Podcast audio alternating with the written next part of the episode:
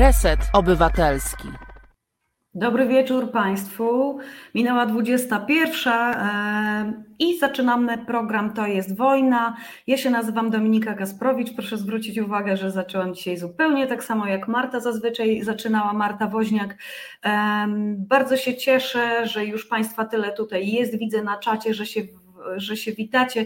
Gdzie wojująca feministka? Jest wojująca feministka, ale inna.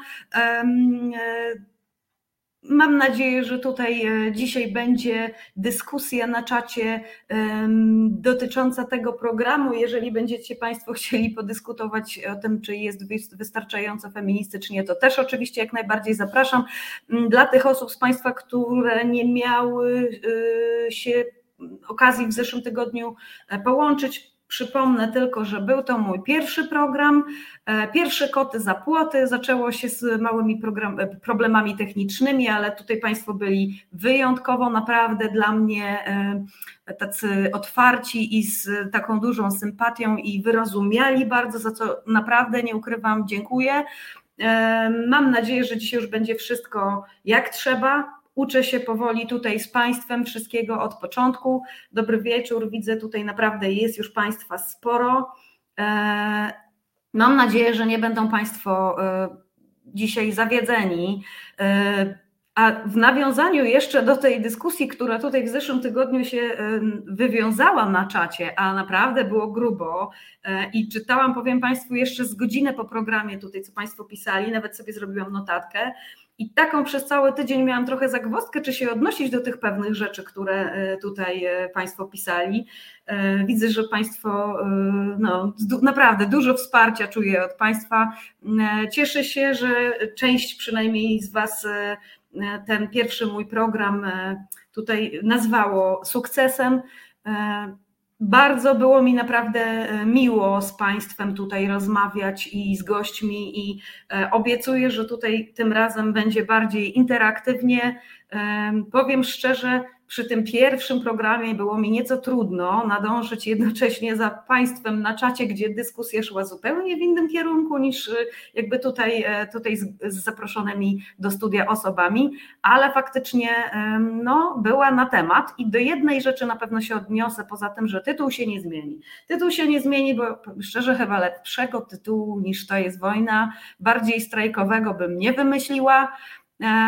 W zasadzie zawsze tylko tłumaczę przy okazji, jak gdzieś to hasło, hasło to jest wojna pada, że no nie chodzi o to, że to jest wojna z mężczyznami. Nie chodzi o to, że to jest e, wojna wywołana przez nas, przez te aktywistki, które są e, na ulicy, przez te osoby aktywistyczne, które są na ulicy.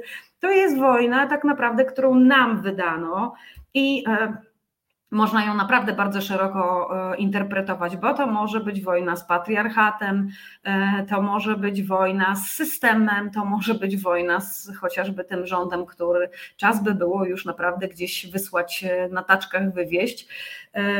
Była bardzo gruba naprawdę tutaj w czacie dyskusja w której też nasza Asia, Asia prowadząca realizatorka brała udział i pacyfikowała jakieś naprawdę już takie mocne, mocne wypowiedzi. Bardzo dziękuję też za tą pomoc, bo była naprawdę nieodzowna i bez niej by tutaj się pewnie tak sprawnie wszystko nie potoczyło, a i Państwo by też pewnie przegapili sporą część dyskusji e, w studiu, gdzieś tam na czacie, dywagując o tym, czy to było wystarczająco feministyczne, ten pierwszy program, czy był wystarczająco feministyczny, czy ja jestem wystarczająco feministyczna i czy miałam prawo zaprosić do studia mężczyzn. Tak, proszę Państwa, była taka, była taka, e, taki wątek e, dosyć obfity na czacie, czy, czy jakby no ja tutaj kontynuując, wchodząc w buty e, po Marcie i po Klementynie Słuchanow, mam prawo zaprosić do studia mężczyzn. I ja bym tutaj może już się w polemikę żadną nie wdawała, bo przecież wiadomo, że jesteśmy tu po to, żeby sobie wspólnie razem obywatelować, żeby sobie mm, no, po prostu podyskutować na pewne tematy. I fajnie, że ta dyskusja gdzieś tam się odbyła. A ja sobie jako osoba tutaj, że tak powiem, przydzielona do prowadzenia tego programu, pozwolę e, jednak to prawo egzekwować do tego, że no, to ja prowadzę ten program i będę zapraszała, kogo będę uważała za stosowny. E, tak, żeby było jak najlepiej dla programu, jak najlepiej i najciekawiej dla Państwa. Mm, myślę, że byłoby to jednak ze stratą dla wszystkich, gdybym, nie wiem, chociażby tutaj sobie wyznaczyła taką linię, że zapraszam tylko kobiety, no bo przecież są też i mężczyźni, są osoby, które są niebinarne, więc no to byłoby po prostu w ogóle nierównościowe. Dla mnie to byłoby zaprzeczenie feminizmu i oczywiście mm, jak najbardziej e, nie, nie jestem osobą, która by tutaj zapraszała w pierwszej kolejności facetów, e, mężczyzn, i jeżeli będzie taka sytuacja, że będę miała do wyboru dwoje ekspertów w jakimś temacie, i będę miała do wyboru kobietę i będę miała do wyboru mężczyznę, albo będę miała na przykład do wyboru osobę niebinarną, to w pierwszej kolejności zawsze wybiorę taką osobę, która w naszej rzeczywistości ma najmniej głosu w dyskursie publicznym. I to jest to, o co chodzi w równości też, tak? I w feminizmie, żeby dawać głos tym osobom, które normalnie by tego głosu po prostu nie miały. Jeżeli będzie taka sytuacja, że najlepszą osobą do tego, żeby opowiedzieć o jakimś temacie państwu, żeby podyskutować o czymś ważnym, pooby, poobywatelować tutaj sobie razem, będzie mężczyzna, no to proszę wybaczyć mi, ale ja będę, tak, ja będę zapraszać mężczyzn także do tego studia, bo, bo e, jest nas prawie 50-50 na świecie, tak, e, a jeszcze jakiś jakiś kawałek tego, tego tortu e, jest no, dla osób nie, niebinarnych i, e, no i chciałabym, żeby tu było naprawdę równościowo i po partnersku. Tak akurat wyszło, że wtedy w tym czacie się tutaj w większości panowie wypowiadali, ale ja myślę, że to nie jest też tak, że, że tylko panowie tutaj czuli, że mają to prawo głosu. Myślę, że po prostu panie się nie angażowały, e, bo słuchały, bo słuchały tego, co działo się tutaj e, e, jakby na antenie, tak? Byli świetni goście zaproszeni. Dla tych osób, które, które z nami nie były w zeszłym tygodniu, przypomnę tylko, że rozmawialiśmy o filmie dokumentalnym O tym się nie mówi. No i właśnie o tych sprawach, o których się często nie mówi. Mm, o aborcji, o wadach letalnych, o piekle kobiet, które są zmuszane do tego, żeby donosić ciążę z wadą letalną. Moimi gościniami były panie, była pani Monika Sawicka-Kacprzak, autorka zbioru opowiadań. To są takie historie kobiet, które właśnie ciążę z wadą letalną e, przeżyły i te, i te e, obumarcia płodów e, przeżyły. Ta książka nazywa się Niebo, Piekło. Można ją wyszukać w internecie, jest dostępna. Miała premierę w kwietniu w zeszłym roku. E, pani Monika jest jednocześnie jedną z bohaterek tego filmu dokumentalnego. Opowiedziała swoją historię. Powiem szczerze, że w zeszłym tygodniu tutaj był taki moment, kiedy ja miałam kluchę w gardle i Państwo też w komentarzach e, widziałam, byli pod ogromnym wrażeniem tego, z jaką otwartością i z jakimi emocjami pani Monika opowiadała właśnie o tej swojej historii, dosyć e, jakby mając już duży dystans, bo, bo ona taką ciążę przeżyła prawie 30 lat temu. Mm, w tym momencie e, Mamy też kobiety, które w tym, w tym projekcie biorą udział, e, których to dotyka teraz. E, I część z nich też zdecydowała się, żeby w filmie e, no, opowiedzieć o swojej historii. Część z nich chce zachować anonimowość, e, ale myślę, że to, co Państwo już wkrótce prawdopodobnie będą mieli szansę zobaczyć, będzie równie wstrząsające, jak to, co tutaj nam pani Monika powiedziała. Widzę, że Państwo się tutaj rozkręcają w dyskusji, super, staram się nadążyć ale też chciałabym Państwu powiedzieć, kto jeszcze z nami był. Była z nami Anita Czarniecka, to jest aktywistka kodu i strajku kobiet. E, Sprężyna, od której zaczęła się cała ta akcja z projektem dokumentalnym. E, aktywistka, która wymyśliła e, ten film, zaangażowała całą gromadę osób, zarówno takich merytorycznych, bo lekarzy, położne, reżyserów, operatorów, specjalistów od kampanii społecznych, kampanii edukacyjnych, kampanii reklamowych. Mm, ale też no, pomagała w wyszukaniu właśnie tych osób, bohaterek, które opowiadały, opowiedziałyby przed kamerą o, o swoich przejściach, o swoim dramacie, o tych, o tych traumach, które przeżyły. Był z nami też reżyser filmu, no, mega, mega uznany w środowisku dokumentalista, reportażysta, reporter telewizyjny Marek Osieciński, Państwu na pewno znany, bo, bo to jest współautor e, ciągu E, dokumentalnego Czarno na Białym, e, który leci na TVN24. W tej chwili też taki gorący, gorący temat o kościele kanadyjskim i, i tych relacjach e, strasznych, tragicznych pomiędzy rdzenną ludnością Kanady, a właśnie kościołem katolickim w Kanadzie. Dzieci nie tego Boga, jeśli ktoś z Państwa nie, po, nie, nie widział jeszcze, to polecam, ale też z góry uprzedzam, że jest to naprawdę mocna rzecz, jeśli czytali Państwo też książkę pod tym samym tytułem, e, no to wiedzą Państwo, e, czego się można spodziewać po tym, po tym reportażu. On jest w czterech częściach, można go też obejrzeć, e, zdaje się, na TVN24 Go. No, Marek Osieciński, jeśli chodzi o, o, jeśli chodzi o dokumentalistykę, no to jest klasa sama w sobie. I to, co tutaj jakby przygotował z Anitą i z całym zespołem innych osób współpracujących, to będzie na pewno mocna rzecz. E, od razu Państwu powiem, że macie Państwo ogromną moc sprawczą, bo myśmy w zeszłym tygodniu podawali, że brakuje do zakończenia tego e, produkcji tego filmu tam wtedy niespełna 27 tysięcy, a w tej chwili już to jest niespełna 24 tysiące. Macie Państwo tutaj w czacie linki do zrzutki. Dzisiaj oczywiście też będziemy jeszcze do tego tematu wracać, bo e, są ze mną dzisiaj i już za chwilę będą z Państwem zapowiadane w zeszłym tygodniu gościnie. E, te najbardziej chyba znane Państwu z mediów lekarki wypowiadające się właśnie w tych tematach, o których się często publicznie nie mówi, między innymi o tym strasznym, po prostu strasznym, przerażającym słowie na A, czyli aborcja. Już za chwileczkę zaprosimy tutaj z naszej wirtualnej poczekalni do studia dr Annę Parzyńską, e, znaną Państwu pewnie z, z bloga i z profilu doktora Sztanga. E, doktor Anna Parzyńska to jest ginekolożka, położniczka, pracująca między innymi w Szpitalu Bielańskim w Warszawie. E, znana z wielu, wielu wypowiedzi medialnych, jedna z tych, z tych lekarek, które w zasadzie przez ostatnie pięć lat stały się aktywistkami i z nami ramię w ramię na ulicy, poza szpitalem, poza godzinami pracy też walczą o prawa kobiet, o prawa reprodukcyjne.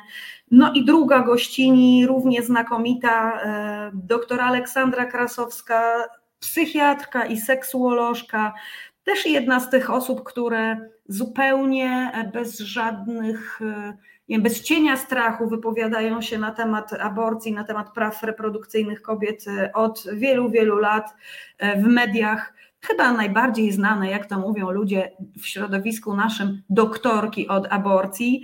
Nie wiem, czy dziewczyny tutaj akurat byłyby szczęśliwe, słysząc to określenie, no ale faktycznie to są te lekarki, których nazwiska kojarzą się po prostu z walką o prawa kobiet i z walką o te prawa reprodukcyjne przede wszystkim.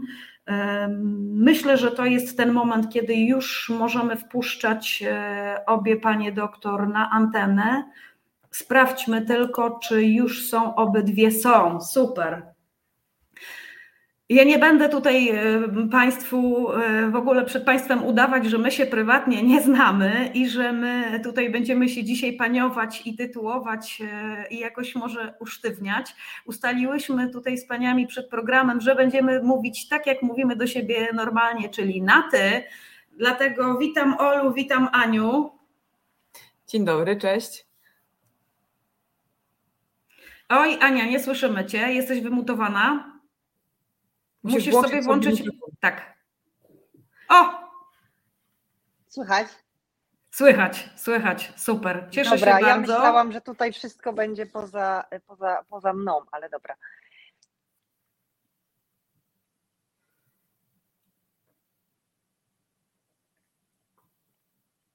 O, Nie wiem, ale kto ja się was zawiesił. y, nie słyszę. Nie wiem, kto się zawiesił. Aha, Ja- y, wszyscy- ja też nie wiem.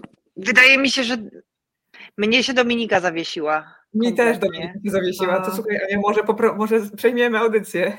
A, ja Aha. się zawiesiłam. Halo, ja się No, zawiesiłam. ty się zawiesiłaś, tak. tak. Ojej, Możemy przepraszam. z Olą. A ja tu nawijałam do Państwa i do Was. Y, No to może powtórzę tutaj, że chciałam nawrócić dzisiaj do tematu i nawiązać do tego tematu, który rozpoczęliśmy w zeszłym tygodniu z Markiem, Anitą i e, Moniką. E, O filmie dokumentalnym O tym się nie mówi, pokazującym sytuację kobiet w Polsce po 22 października 2020. E, Dlaczego wy żeście się zdecydowały na to, żeby wziąć udział w tym filmie? Chyba będzie łatwiej, jak będziesz mówiła Aniu, dlaczego się zdecydowałaś, bo ja tak nie wiem, czy ja mam mówić. Dobra. Aniu, I tak Aniu, czekam. Aniu, Aniu, zacznijmy może, jak już jesteś przy głosie. Y, Wiesz co, y, no dla mnie to była taka zupełnie naturalna e, decyzja o tym, e, że e, skoro jakby cały czas siedzę w temacie i wypowiadam się na ten temat publicznie, a z drugiej strony, no niestety jestem jedną z niewielu, która to robi, e, to e, skoro mam e, szansę w jakimś innym projekcie, nie tylko sama gdzieś medialnie mówić, ale, ale również razem z grupą osób, które, które równie mocno są zaangażowane w prawa kobiet, powalczyć o jakąś zmianę e, w Polsce i powalczyć o, o, o porządną edukację społeczeństwa, bo jak to społeczeństwo jest wyedukowane, to wtedy trudniej nim manipulować, więc, e, więc projekt był na tyle e, atrakcyjny i ciekawy dla mnie, że, e, że zupełnie od samego początku byłam na tak. Olu, jak to było z Tobą i z dołączeniem do tego projektu? Dla mnie y, szczególnie ważnym, y, szczególnie ważną rzeczą czy motywacją, która skłoniła mnie do wzięcia udziału w tym projekcie, było to, że on y, bardzo akcentuje sytuację kobiet, to co się dzieje z kobietami, to w jakiej znalazły się sytuacji i w jak trudnym położeniu w tej chwili wszyscy się znaleźliśmy. I e, ta taka wrażliwość na, e, na, na, na, na dane historie, na, na, na pojedyncze osoby, które często dopiero wtedy, jak widzimy konkret, jak widzimy jakąś konkretną historię, e, może do nas docierać to, z czym mamy do czynienia, jak bardzo niebezpieczną mamy w tej chwili sytuację. Dlatego dla mnie to było oczywiste, że e, jak e, tylko po- pojawiła się taka możliwość, że no z przyjemnością przyjęłam oczywiście zaproszenie do udziału w tym projekcie, dlatego też, że na samym początku, jak tylko pojawił się wyrok Trybunału Konstytucyjnego, o którym pewnie jeszcze będziemy dzisiaj mówić, to gdzieś w jednej z rozmów e, z, e, z dziennikarzami pojawiła się taka obawa, co jeżeli o tym w końcu się zrobi cicho. Co jeżeli przestaniemy o tym mówić? Co jeżeli e, te tragedie będą się działy po cichu i co jeżeli zapomnimy o tych kobietach? One gdzieś pozostaną zepchnięte w cień. I e, każda taka sytuacja, każda inicjatywa, która e, przypomina nam o tej, o tej sytuacji, przypomina nam o tych kobietach, przypomina nam o tych, nam o tych rodzinach, jest dla mnie e, bardzo ważna i jak tylko będę miała taką możliwość, na pewno będę ją wspierać. To jest właściwie taki, taki e, taka koncepcja, o której Ty też mówiłaś wielokrotnie w wywiadach, że skończyły się strajki, wygasiło się wszystko, ten taki pierwszy wkurw, brzydko mówiąc, e, po tym pseudowyroku Trybunału Przełębskiej, e, że jakby pochodziliśmy po tej ulicy, pokrzyczeliśmy i potem się zrobiła cisza. E, No i w tym momencie rozumiem, że wszedł ten właśnie projekt. Tutaj w zeszłym tygodniu Anita też o tym mówiła, że to właśnie tak było, że dla niej najważniejsze było nie to, żeby mówić o tym, że wybór albo zakaz, o tym, żeby pokazać tragedię po prostu tych kobiet. I na tym się skupiła i rozumiem, że to jest to, e, co postanowiłyście wesprzeć właśnie. E, Rozmawialiśmy też w zeszłym tygodniu z Markiem, że ma trudną bardzo rolę przed sobą, bo musi zbalansować e, jednocześnie całą tą taką obudowę merytoryczną, którą wydajecie e, Maciej Socha, też ginekolog, perinatolog i kilka innych osób, e, psychiatrka Maja Herman też, no oczywiście nie wymienimy tutaj wszystkich z imienia i nazwiska, ale jest cały sztab tych osób związanych z medycyną, które tu merytorycznie wspierają cały ten projekt, a z, a z drugiej strony mamy te żywe emocje, tak? te, te, te bohaterki, mm, te bohaterki, które faktycznie opowiadają o takim chyba najgorszym przejściu swojego życia w większości. E, no i teraz jak to zrobić, jak to pokazać, żeby to jednocześnie trafiało do ludzi, e, a jednocześnie właśnie edukowało, uczyło. No, wy tutaj będziecie też występować w tej produkcji, o czym tam będziecie mówić, w jaki sposób będziecie, e, będziecie od siebie tą działkę jakąś dawały. Może Aniu teraz Ciebie poproszę, bo, bo widzę, dobrze, że... Dobrze, tak, bo jest konsternacja, kto ma zacząć. Yy, yy, ja akurat, jeżeli chodzi o udział w filmie, e, mam e, na szczęście taki bardzo naturalny, e, jeśli chodzi o, o moje życie i o moją pracę z kobietami, ponieważ pracowałam, no aktualnie akurat jestem na urlopie, ale pracowałam w, współpracowałam z Federacją na Rzecz Kobiet i Planowania Rodziny, która E, dla której prowadziłam taki telefon e, zaufania, telefon, mm, na który mogły dzwonić kobiety z pytaniami na temat, e, na, na tematy ginekologiczne. No i rzeczywiście głównie były to pytania o aborcję. I Marek właśnie nagrał mnie podczas jednego z takich dyżurów telefonicznych trafił akurat na e, pacjentkę, która e, potrzebowała e, zakończyć ciążę z uwagi na nieprawidłowości. A następnie ona również zgodziła się wesprzeć nasz projekt i nagrałyśmy rozmowę w szpitalu. Także E, była to bardzo mocna rozmowa. Ciężko mi jest e, powiedzieć, bo nie wiem, e, jak wyglądały rozmowy innych lekarzy i lekarek, ale dla mnie naprawdę jedna z mocniejszych w ogóle, jeżeli chodzi o, o moje doświadczenie. I mimo, że często o tym rozmawiam i często wysłuchuję tych tragicznych historii, była, była to dla mnie bardzo trudna rola wtedy. E, zarówno e, e, rola lekar, lekarki, ponieważ jakby to wszystko toczyło się tak, jak się miało toczyć, to nie, to nie było wyreżyserowane.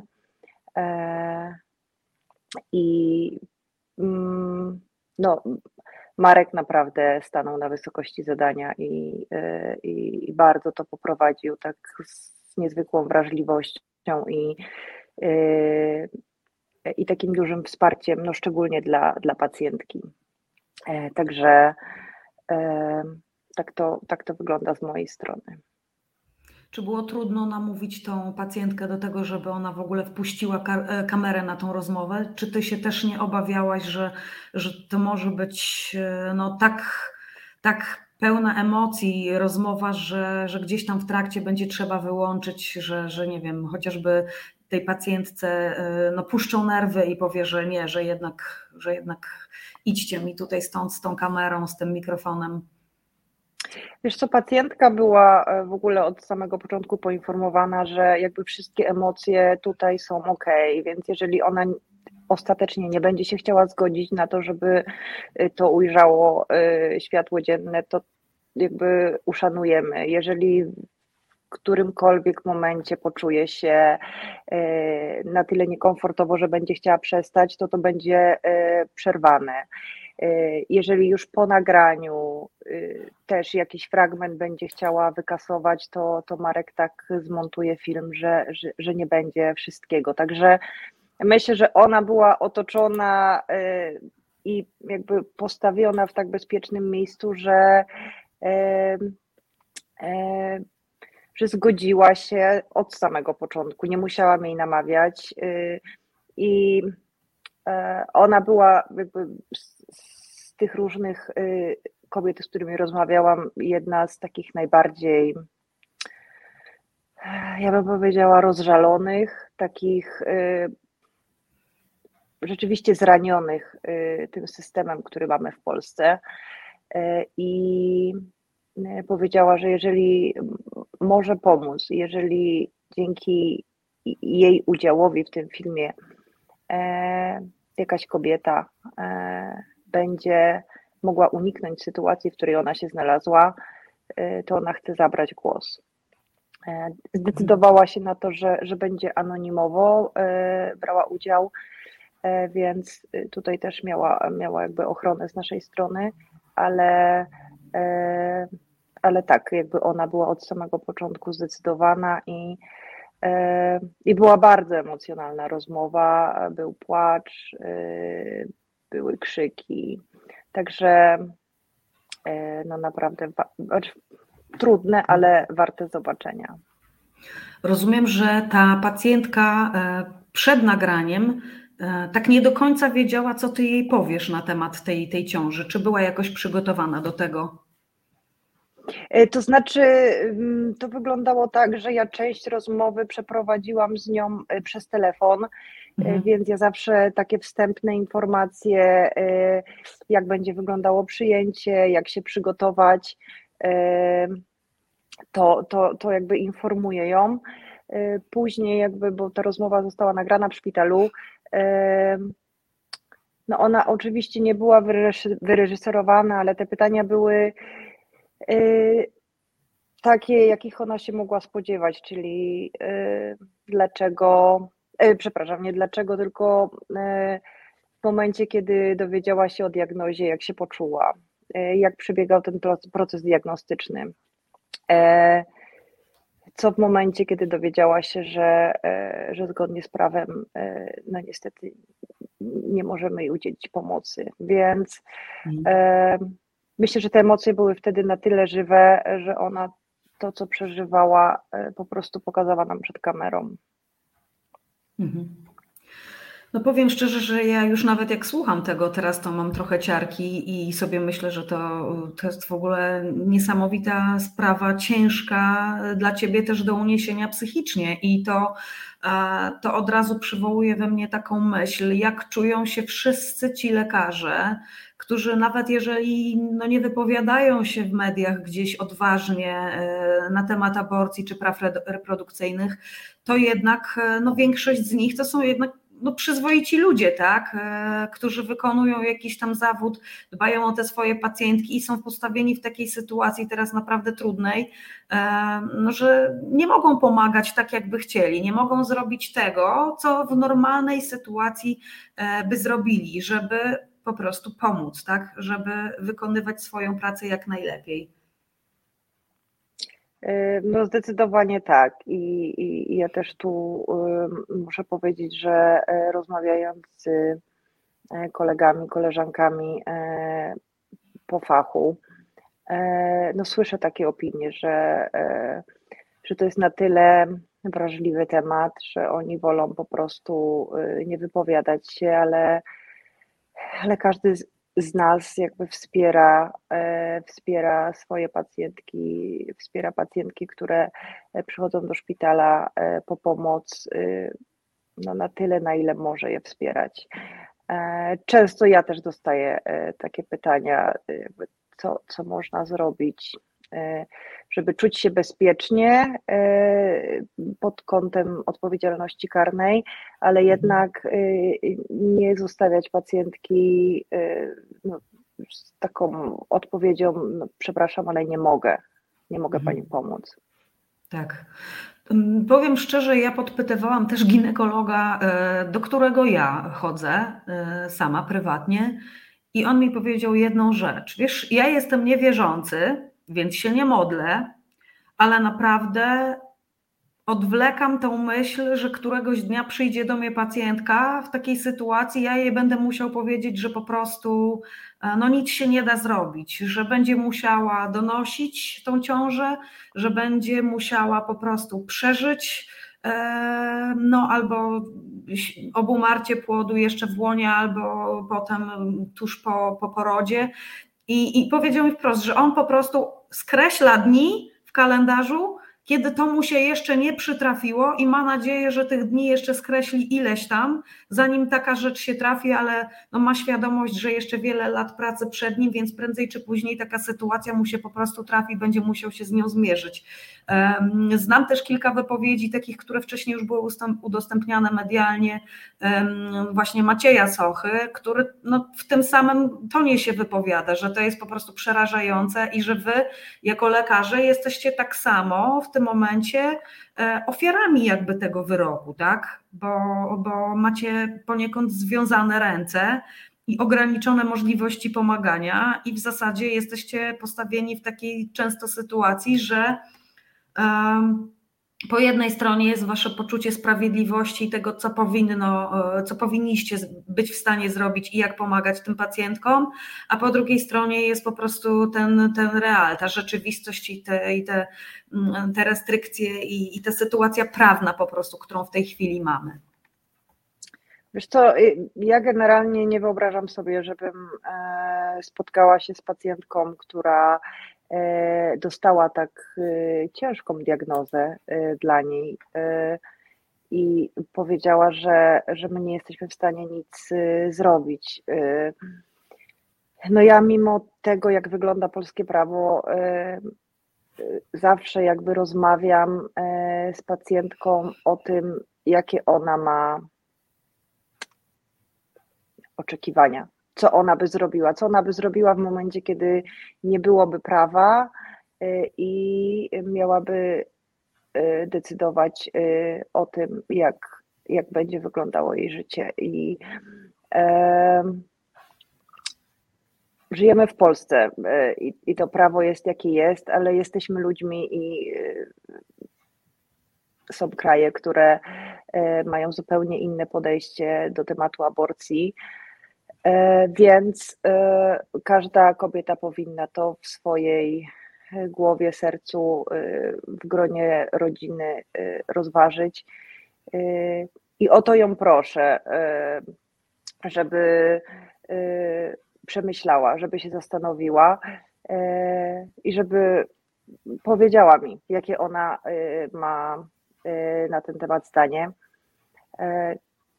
No i później, w zależności od tego, jak wygląda sytuacja, e, e, to tak postępujemy i najczęściej te pacjentki są w bardzo, bardzo e, ciężkim takim stanie psychicznym i, i o tym na pewno nam więcej powie Ola.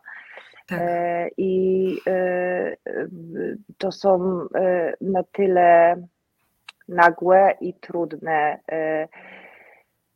rozpoznania, e, że e, wielokrotnie, e, aby pacjentki dalej nie traumatyzować i nie wpływać niekorzystnie na jej stan zdrowia psychicznego, takie zakończenie wcześniejszej ciąży jest jedynym rozwiązaniem. I dla mnie to absolutnie nie jest kwestia tego, że my w jakiś sposób chcemy omijać prawo E, i posiłkujemy się przesłanką e, o zagrożeniu życia lub zdrowia.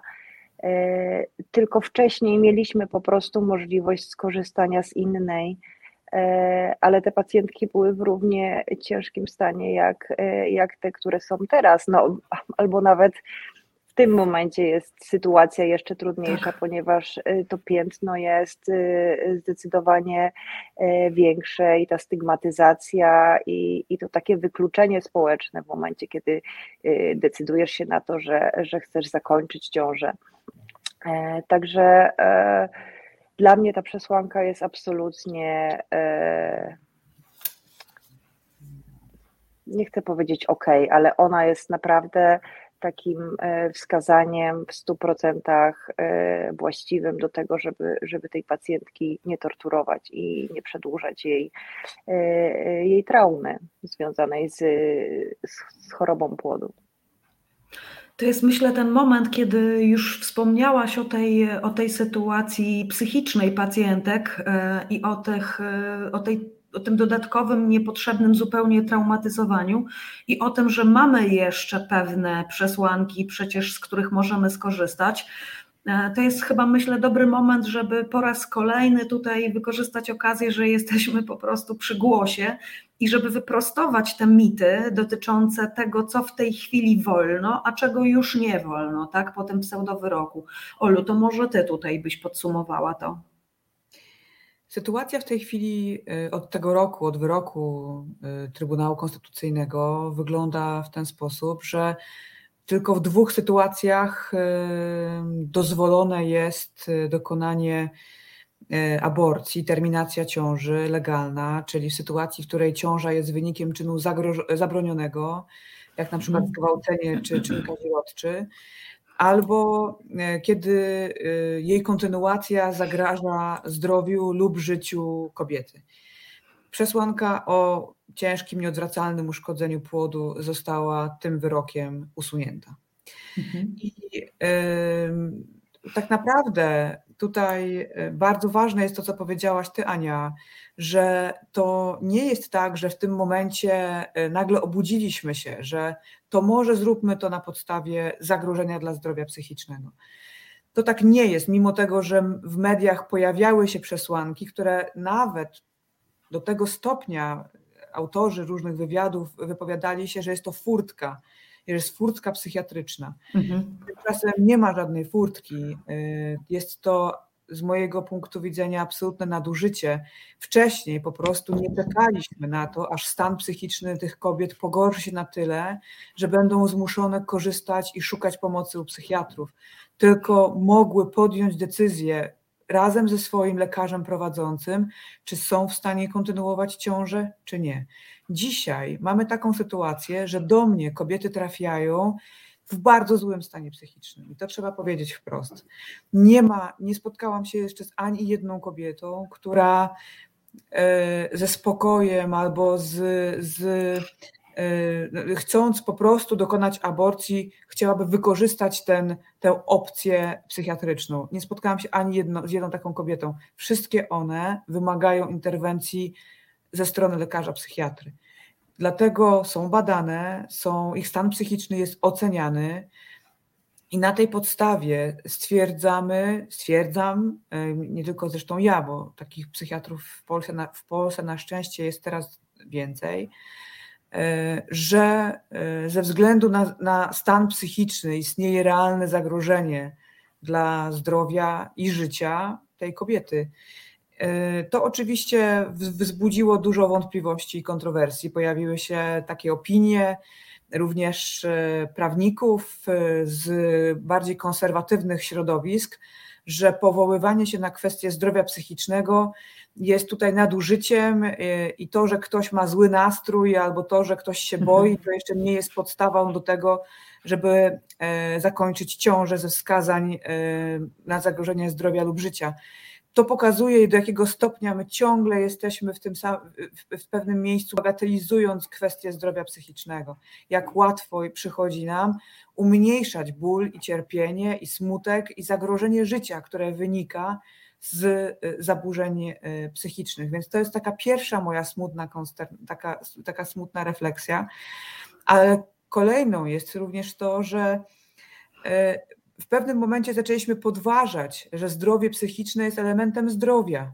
I tak. jako lekarka, y, ja, ale też wiem, że ty, Ania, wiem, że Maciek Socha, wiem, że Maja Herman, która też uczestniczy w tym projekcie, też jest psychiatrką. I y, zaczęliśmy roz, y, tłumaczyć takie rzeczy, które są, wydawałoby się podstawowe, że zdrowie psychiczne jest elementem zdrowia.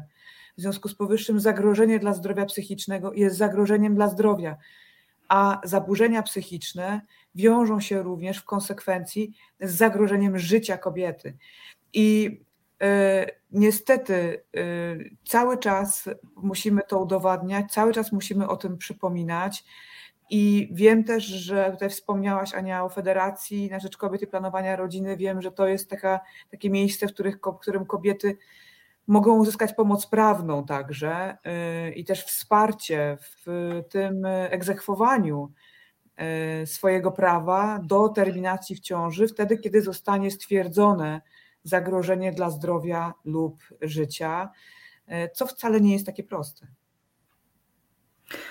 Tutaj może powiem teraz, co się pokazało na czacie. Pani Elżbieta napisała, że zagrożenie zdrowia psychicznego w Wielkiej Brytanii jest jedną z najczęstszych przyczyn aborcji i dotyczy nie tylko ciąż z wadami płodu, ale w każdym. E, I pani Barbara tutaj zaraz niżej pisze, że samobójstwa są wynikiem depresji, psychiczne zdrowie jest tak samo istotne jak inne aspekty. Oczywiście tak. I okazuje się, że my faktycznie jesteśmy tutaj jeszcze bardzo daleko w tyle za tym e, zgniłym moralnie zachodem, bo tam faktycznie e, no, patrzy się na to zdrowie i ten dobrostan psychiczny kobiety. Mm, tutaj w Polsce troszkę mniej. I mnie to osobiście przeraża, bo jeżeli słyszę w kwestii właśnie praw reprodukcyjnych kobiet, że, że depresja jest tylko gorszym nastrojem, czy, czy jakimś chwilowym po prostu zaburzeniem, wahaniem nastroju, no to skąd się bierze te 5 tysięcy śmierci samobójczych, tak, e, każdego roku, jak tak można, no dla mnie to jest niewyobrażalne, no ale faktycznie dyskusja była ogromna, to jeszcze też za kadencji e, profesora Adama Bodnara było podnoszone o tej przesłance właśnie ze względu na jakby zdrowie, stan psychiczny kobiety i i ta furtka, masz rację Olu, cały czas jeszcze pokutuje, tak? Jakbyśmy my wymyślili tutaj gdzieś na prędce jakiś sposób, jak tu coś obejść, a faktycznie, tak jak to powiedziałaś, niech to wybrzmi jeszcze raz, taka opcja zawsze była, tylko po prostu nie trzeba było z niej korzystać, bo były bo były rzeczy bardziej oczywiste, tak?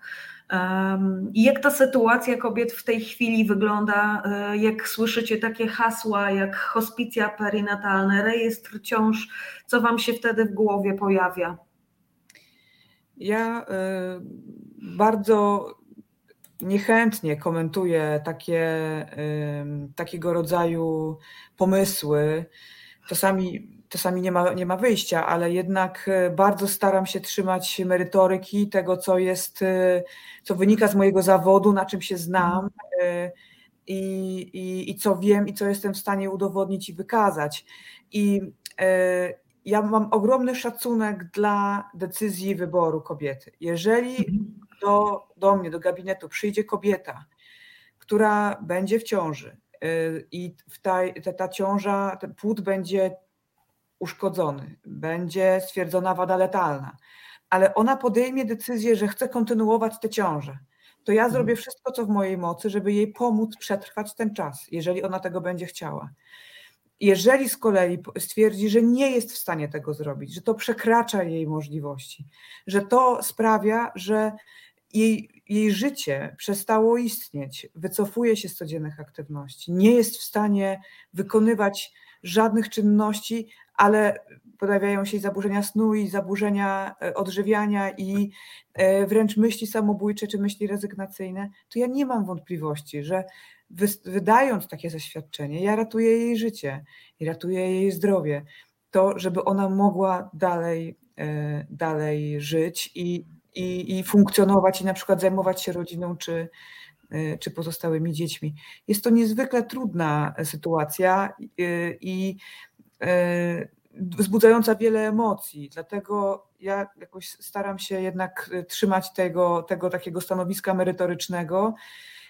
Nie wiem, co mi się pojawia, jak słyszę rejestr ciąż, dlatego że no, trudno mi się odnieść do tego projektu, bo nie wiem, jaki on miałby mieć cel. Nie, nie wiem, po co to miałoby funkcjonować. Nie widzę dlatego przestrzeni, ale też nie jestem osobą, która zajmuje się organizacją zdrowia, Dlatego też e, nie potrafię odpowiedzieć na to pytanie. Swoje jakieś osobiste zdanie mam, ale też nie mam takiego poczucia, że, e, że jestem osobą, która jest kompetentna do tego, aby, aby, aby to komentować. No to tutaj w zasadzie wybrzmiało teraz o tym rejestrze i może do Ciebie, Aniu, takie pytanie. E, ty pracujesz w szpitalu bielańskim, który już miał w grudniu zostać skontrolowany. I, jak to prasa e, celnie chyba dosyć, e, dosyć nazwała, e, stał się, stał się takim pierwszym celem ataku i przyciśnięcia śruby. No bo ta kontrola taka w zasadzie znikąd, tak? Bo to nie była tutaj jakaś e, kontrola mm, zlecona przez Ministerstwo Zdrowia. W zasadzie nie wiadomo kto i dlaczego nagle chciał skontrolować szpital znany z tego, że w nim się te zabiegi aborcji i przerywania ciąży wykonuje Wojewódzka konsultantka do spraw położnictwa, ginekologii, no, okazało się, że nie ma, nie ma wystarczających pełnomocnictw, żeby takiej kontroli, e, tutaj jeśli chodzi o rejestr ciąż, jeśli chodzi o listę zabiegów aborcji, poronień, gdzie to są wiadomo wrażliwe dane, no nie ma po prostu takich pełnomocnictw, żeby faktycznie to wszystko przejrzeć. No ale trochę strach po środowisku medycznym poszedł, jeśli, jeśli e, popatrzeć, co się w komentarzach e, pod informacjami e, właśnie o tej kontroli wydarzyło. Jak ty się do tego odnosisz? Wiesz co, no, y, w teorii ta kontrola, która została przez y, konsultanta wojewódzkiego, przez konsultanta krajowego nawet już w tym momencie za, zaordynowana,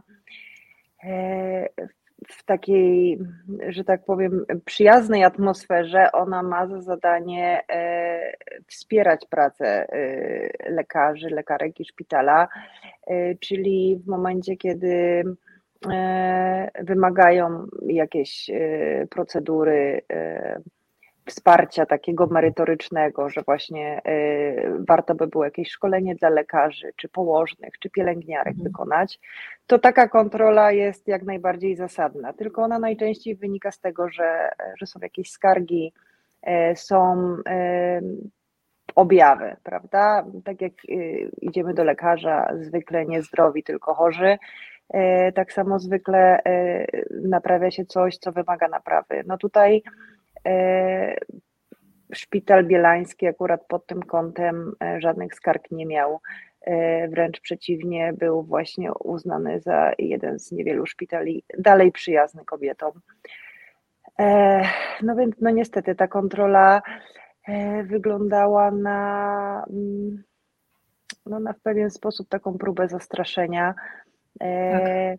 I myślę, że mm, takiego pokazania, że zobaczcie, oni robią zabiegi i mają kontrolę, więc y, najlepiej, żeby szpitale w Polsce zaprzestały, ponieważ no, nikt nie lubi być kontrolowany. To, to jakby jest, y, jest jasne. E, I mm, na pewno y, mm, wzbudza to to lęk i, i, e, i eskaluje ten lęk, który i tak już jest y, duży w środowisku medycznym, no, głównie w, w tych ginekologicznych e, miejscach. I no, lekarze po prostu się e, coraz bardziej boją. I Trudno tutaj już komentować jeszcze dodatkowo ten rejestr ciąż, bo y, wydaje mi się, i takie moje prywatne zdanie, y, że y, dobrze by było, gdybyśmy mieli ogólnie rejestr jakby zdrowia w, takim, w takiej sytuacji, kiedy pacjent jest nieprzytomny i my możemy sprawdzić, czy on jest chory na cukrzycę, czy na nadciśnienie, czy na przykład jest w ciąży. E, ale sam rejestr ciąż, y, mm, no nie do końca rozumiem, e, jak miałby rzeczywiście wpływać i usprawniać pracę, e, a no niestety jakby patrząc przez pryzmat polityczny i, i, i tutaj y, mm, no ja to z dużą przykrością mówię, bo całe życie unikałam polityki, a ona jakby y, totalnie z butami weszła w moje życie. E, I, i właśnie z tych względów politycznych myślę, że, że są to e, zupełnie e, inne intencje, jakby, które są skierowane w stronę projektu o rejestrze ciąż. I nie są to, to te intencje, które chcą chronić kobiety. Tak, to z, tutaj z tego, co powiedziałaś, y, myślę, że warto by było jeszcze powtórzyć dla tych z Państwa, którzy właśnie się witają i, i, i się przepraszają, że się spóźnili, że faktycznie lekarze się boją. I jest taka konsternacja. E, ja pamiętam, jak rozmawiałyśmy no, kilka miesięcy temu już, bo to było w wakacje, e, i, i wtedy mówiłaś, e, pozwolę sobie tutaj przytoczyć fragment rozmowy, no takiej półprywatnej, że, e, że faktycznie lekarze sami nie wiedzą już w tym momencie, e, co im wolno, czego nie wolno, że są, są na jakichś waszych wewnętrznych forach w organizacjach rozmowy na ten temat, że takie uwspólnianie po prostu tego doświadczenia też następuje i takie E, jakby to powiedzieć, przygotowywanie takiego trochę wspólnego frontu, ale faktycznie, że dominuje te, ta postawa takiego strachu i, i, mm, no i trochę zachowawczego takiego podejścia, e, żeby no nie zaszkodzić ale pacjentce, ale też nie zaszkodzić sobie, tak? Ten efekt mrożący po prostu jest, no nie oszukujmy się. No zdecydowanie tak, jeżeli, y, no ja tu jestem trochę zdania takiego, że jeżeli e, od kobiet y, nie wymagamy heroizmu y, i e, rodzenia, wychowywania e, niepełnosprawnych, chorych dzieci, tak samo trudno wymagać od lekarzy, lekarek, żeby łamali prawo i szli do więzienia, bo, bo uważam, mhm. że to też jakby są zachowania, które, e, e, które każdy oczywiście w swojej e, głowie e, rozważa na pewno i, e, i mi też się pojawiają czasem takie, takie myśli, że e, może za bardzo się wychylam i, i narażam i, i, i trudno też mówić, bo, bo, może kiedyś poniosę e, jakby większe konsekwencje tego, e, co robię, aczkolwiek no ja mam jakby e, dość taką jasną relację akurat ze sobą i z tym, że, że dla mnie to jest jakby ważne i, i, i te konsekwencje schodzą na dalszy plan, ale jakby to nie musi być u każdego lekarza. Mhm. Niektórzy chcą spokojnie wykonywać swój zawód, nie walczyć, nie, y, nie zastanawiać się, czy wrócą do pracy, czy, czy, czy pójdą na, y, na komisariat, czy do prokuratury. Więc no, żeby lekarze mogli dobrze wykonywać swoją pracę, no ta polityka po prostu musi zniknąć i najważniejsze ma być zdrowie pacjentki, pacjenta, e, a nie to, czy nam za postępowanie zgodne z kodeksem etyki lekarskiej grozi odpowiedzialność karna. Tak. E, Olu, Ciebie chciałam zapytać, bo Ty też e, no, dosyć mocno wyszłaś przed szereg, jeśli chodzi o ten, jak to sama w którymś tam z wywiadów nazwałaś, psychiatrzy, psychiatrki zaraz w drugiej linii tej pracy z pacjentką po traumie, po ginekologach. No i teraz wśród tych, wśród tych psychiatrów i psychiatrek ty też faktycznie wyszłaś przed szereg, bo w 2021 w lutym, nie pamiętam, 10, 11, jakoś tak na początku miesiąca zaraz opublikowałaś słynne już w tej chwili takie e, oświadczenie na, na Facebooku, gdzie, gdzie powiedziałaś, że będziesz wydawać właśnie te zaświadczenia o stanie zdrowia e, i pomagać w ten sposób pacjentkom. Powiedz, czy to ci się jakąś czkawką odbiło? Czy w Twoim przypadku też, też jest tak, jak Ania tutaj powiedziała, że trochę strach, co to będzie, ale skoro powiedziałam A, powiedziałam B, powiedziałam C, to po prostu będę mówiła dalej odważnie wszystkie litery alfabetu, które mi zostały. Ja mam tutaj y, troszkę inny pogląd. Y, mhm. Ja po prostu uważam, że wykonuję swoją pracę.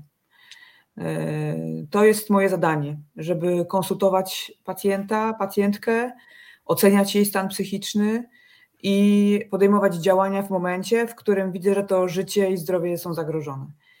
Dlatego dla mnie mm, fakt, że, że, że, pojawia się jakiś niepokój, niepewność, jak zostanie to zinterpretowane, e, ja to oczywiście miałam w głowie i słyszałam się, spotkałam się z takimi pytaniami, czy nie mam jakiegoś niepokoju, że teraz będzie będzie postępowanie prokuratorskie.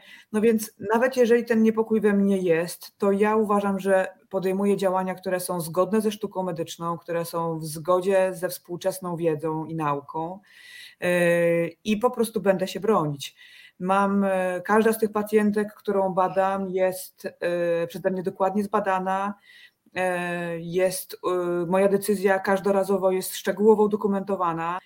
W związku z powyższym ja staram się wykonywać swoje obowiązki z należytą starannością i w zgodzie ze współczesną wiedzą medyczną, nie pozwalając na to, żeby przekonania religijne, ideologia, polityka e, ingerowały w to, co jest moim obowiązkiem jako lekarza, czyli e, dbanie o bezpieczeństwo i dbanie o zdrowie pacjentek.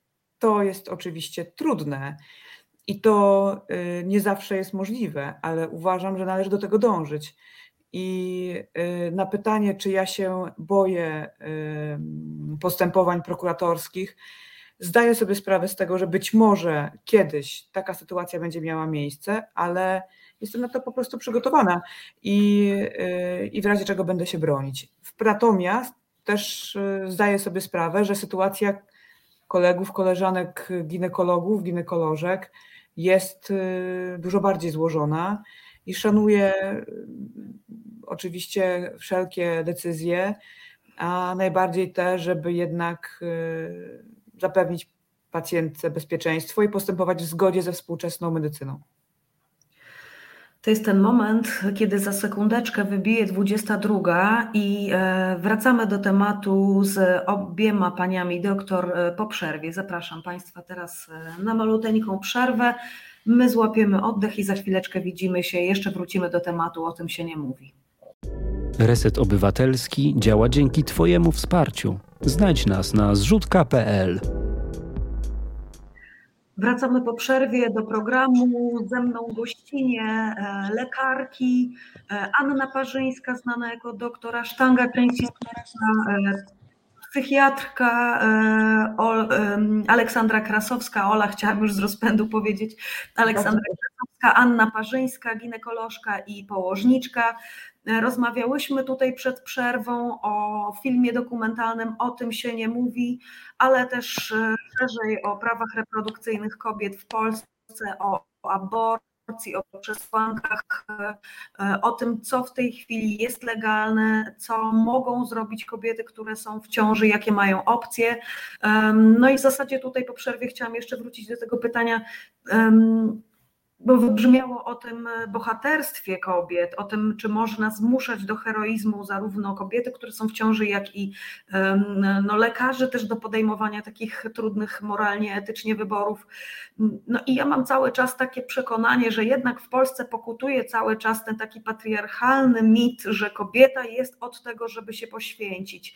I stąd ta cała taka presja na to, żeby te kobiety właśnie ciężarne, niezależnie od tego, jak później ich życie z takim dzieckiem, z jakąś z, jakimś, z jakąś dużą niepełnosprawnością będzie wyglądało, że one mają po prostu to życie poświęcić. I już nie chodzi tylko o to, że mają życie poświęcić zawodowe, karierę, tak, z siebie na stosie ofiarnym jako matka, ale także już no, w sensie dosłownym, po prostu poświęcić życie, w sensie umrzeć po to, żeby być może troszkę dłużej donosić taki płód z wadami letalnymi. Mm, niewiele osób, mam wrażenie, mówi jeszcze w Polsce o tym, z jaką traumą po prostu się to dla kobiety wiąże. I nie tylko dla kobiety, bo dla całej rodziny często. E, Olu, ty się z takimi właśnie przypadkami często pewnie w swojej praktyce spotykasz. Mm, może to jest ten moment, żeby po prostu powiedzieć wprost, co się dzieje w głowie, w psychice na lata, co zostaje po prostu w kobiecie, w rodzinie po, po takiej stracie? E, to jest, e, to jest trudne pytanie, dlatego że e, jest bardzo wiele kobiet i tyle, ile jest kobiet, tyle różnych reakcji na wydarzenia, na traumę.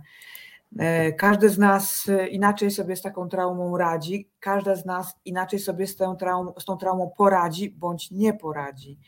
I e, dla mnie, z mojego punktu widzenia jako lekarki, zawsze najważniejszy jest ten indywidualny świat danej osoby, która doświadcza pewnego zdarzenia, tego, co się dzieje z daną osobą i tego, co ona jest w stanie zrobić, co ona jest w stanie przetrwać, a czego nie jest w stanie przetrwać, a co będzie ją kosztowało zdrowie, a być może co będzie ją kosztowało życie. I teraz e, dla mnie najważniejsze jest to, żeby, żeby jednak dawać kobietom przestrzeń na to, żeby mogły podjąć decyzje i żeby mogły również chronić siebie w tym, żeby, żeby, żeby jednak ten mit, o którym ty wspomniałaś, takiego poświęcania, przedkładania in, tego dobra innego jakiegoś ponad własne bezpieczeństwo, żeby jednak z tym walczyć, tak jak z każdym mitem, ponieważ mhm. najważniejsze jest y, to, że, że, że, że w tym momencie ta kobieta potrzebuje pomocy, potrzebuje wsparcia, nie jest w stanie kontynuować tej ciąży.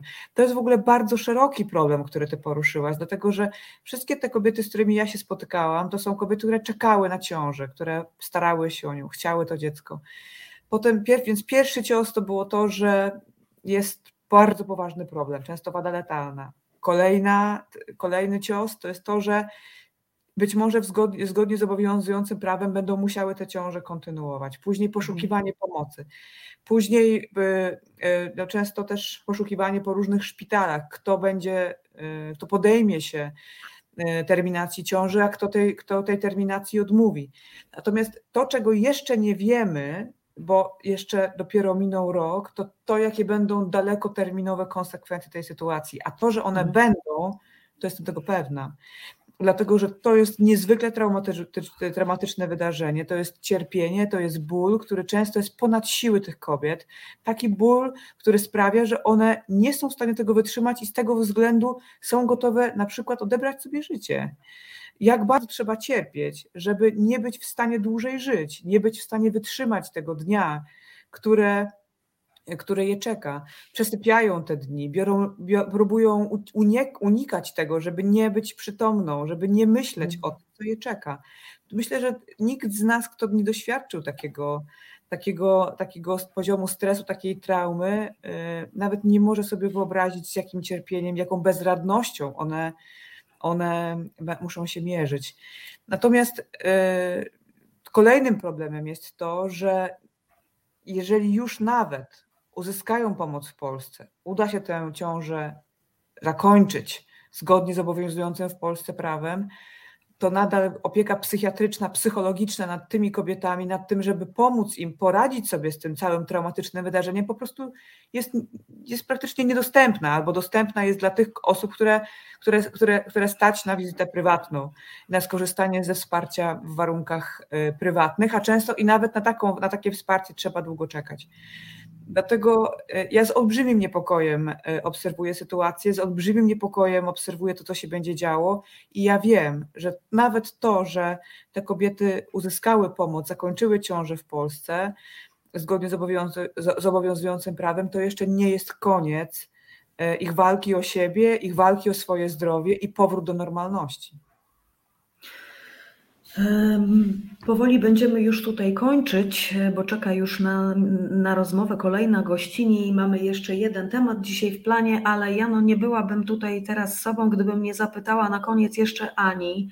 Aniu, ty y, na swoim, na swoim profilu facebookowym doktora Sztanga E, no, przez całe ostatnie kilka miesięcy publikowałaś zdjęcia, więc to nie jest tajemnicą, że ty właśnie w tym czasie, kiedy, e, kiedy był ten, zapadł ten pseudowyrok Trybunału Przyłębskiej i tuż po, kiedy zaczęłyście pracę nad tym projektem, o tym się nie mówi, no byłaś w ciąży.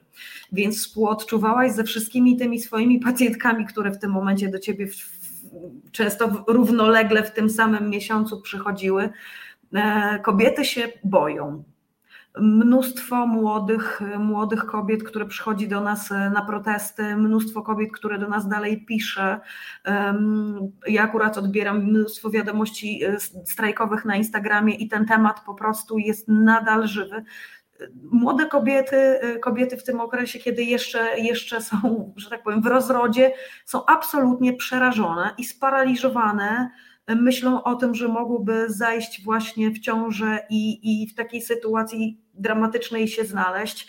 Powiedz, jak jak tobie było w tej ciąży? Wiem, że to może takie dosyć prywatne pytanie, ale wypowiadałaś się na ten temat. Powiedz, czy ty też miałaś takie po prostu strachy w tym momencie? Czy to jest jednak tak, że jak sama jesteś lekarką, e, to trochę ci to jakoś tam zniwelowało ten poziom po prostu stresu, niepewności?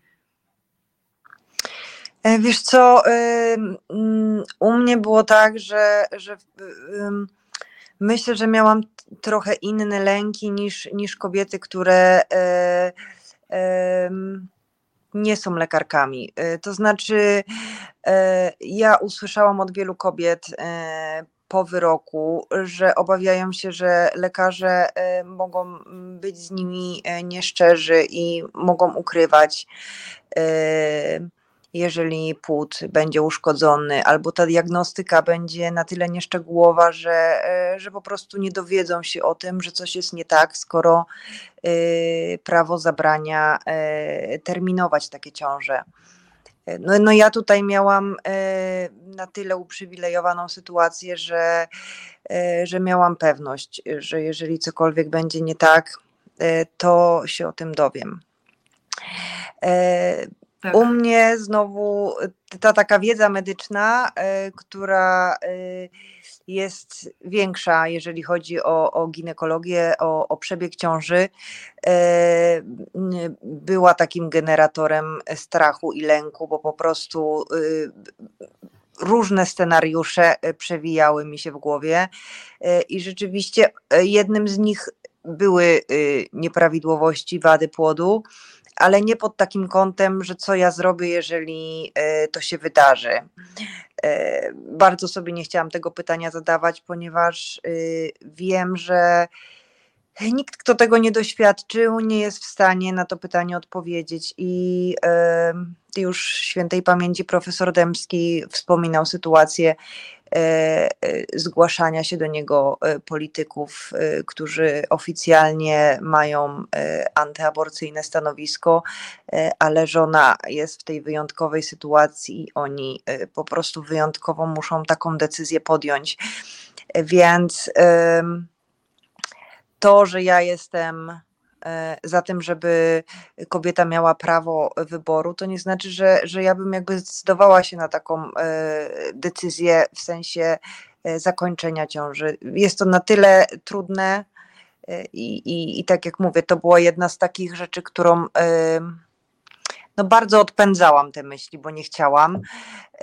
Rzeczywiście kwestia rozmowy z pacjentkami, trzymania je za rękę niejednokrotnie podczas zabiegów.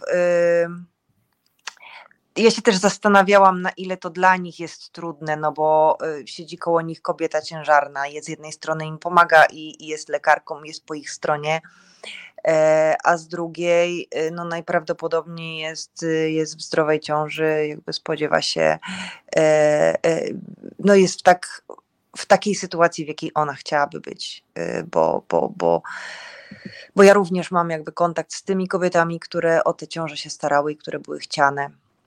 E, także y, trudne doświadczenie. Y,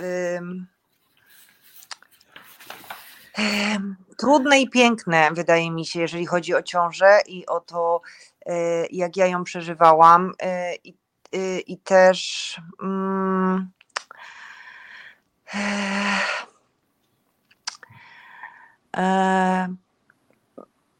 bardzo łatwo mi się było wczuć na pewno w te, w te emocje, które towarzyszą e, w ogóle kobietom. To już nawet nie tylko kobietom w ciąży, ale tym, które, e, które na przykład nie mogą podjąć decyzji o zakończeniu ciąży już bez względu na to, czy są wady, czy nie są wady.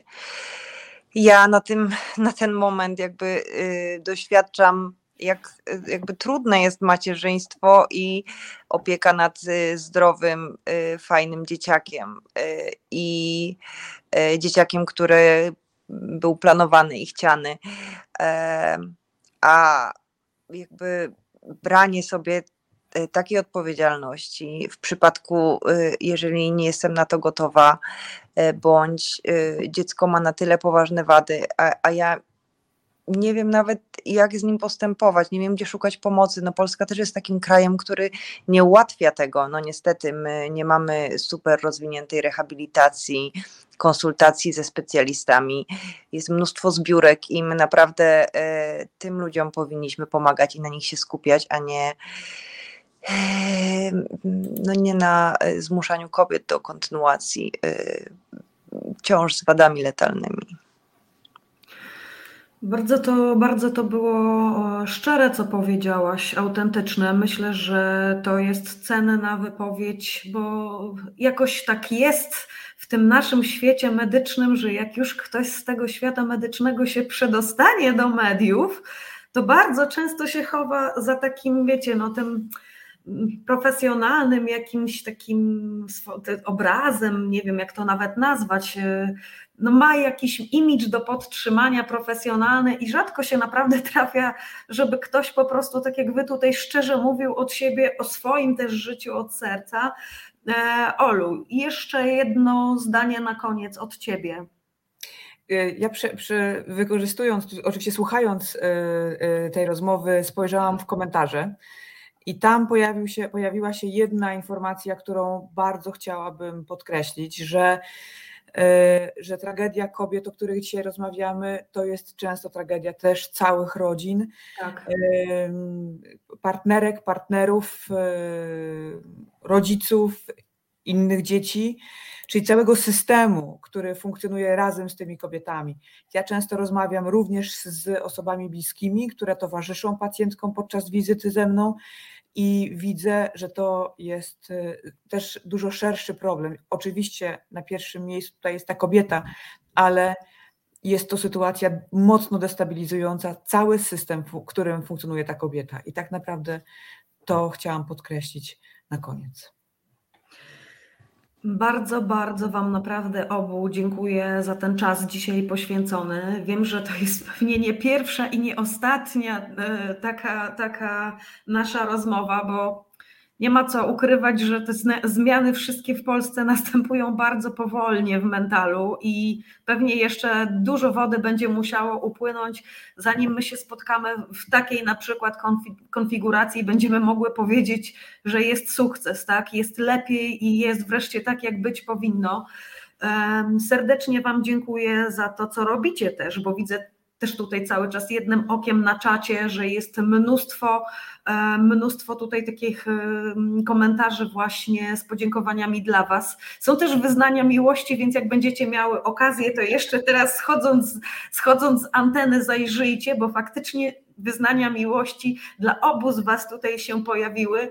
Ja rozumiem, że to chodzi o to, że po prostu jest dowód to uznania dla tego, co robicie po prostu, e, dla kobiet, dla nas wszystkich zawsze to powtarzałem, no widzicie, są tutaj, są tutaj wyzwania, wyznania naprawdę, e, no to tak, żeby już naprawdę zakończyć z uśmiechem, bo zrobiło się mocno przytłaczająco. Sytuacja jest, co tu dużo mówić, e, niezbyt optymistyczna i te ciągłe zakusy, żeby to prawo aborcyjne w Polsce jeszcze zaostrzyć i te, e, te wszystkie pacjentki, kobiety w ciąży jeszcze jakoś pocisnąć, lekarzy pocisnąć, no wszystkich zmrozić po prostu złapać ostro gdzieś tam w garść i po prostu trzymać w tej garści.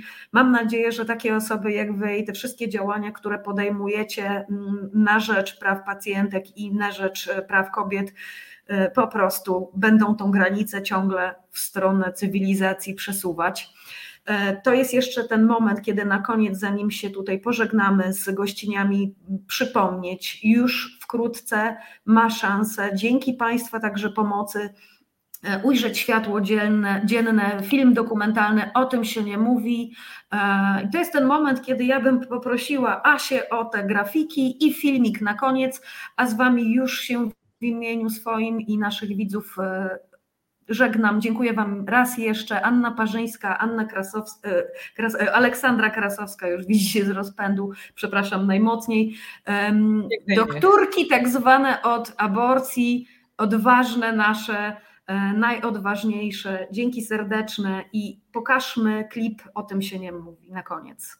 wolę od medycyny może. Tak, tak, tak. tak Dzięki pomyślałam. bardzo. Do usłyszenia. Znudzeni mainstreamowymi newsami? Czas na reset obywatelski. Zaangażowane dziennikarstwo. Wiem, że Państwo czekali e, i na doktor Parzyńską, i na doktor Krasowską. E, Pojawiały się sugestie, żeby zaprosić je do programu i jeszcze za czasów Marty. Jezu, jak to zabrzmiało? Jeszcze za czasów Marty. E, No, ale mam nadzieję, że ta rozmowa Państwa usatysfakcjonowała, zwłaszcza tych, którzy tutaj bardzo gorąco w komentarzach prosiliście e, o to, żeby właśnie te e, dwie e, lekarki pojawiły się w programie.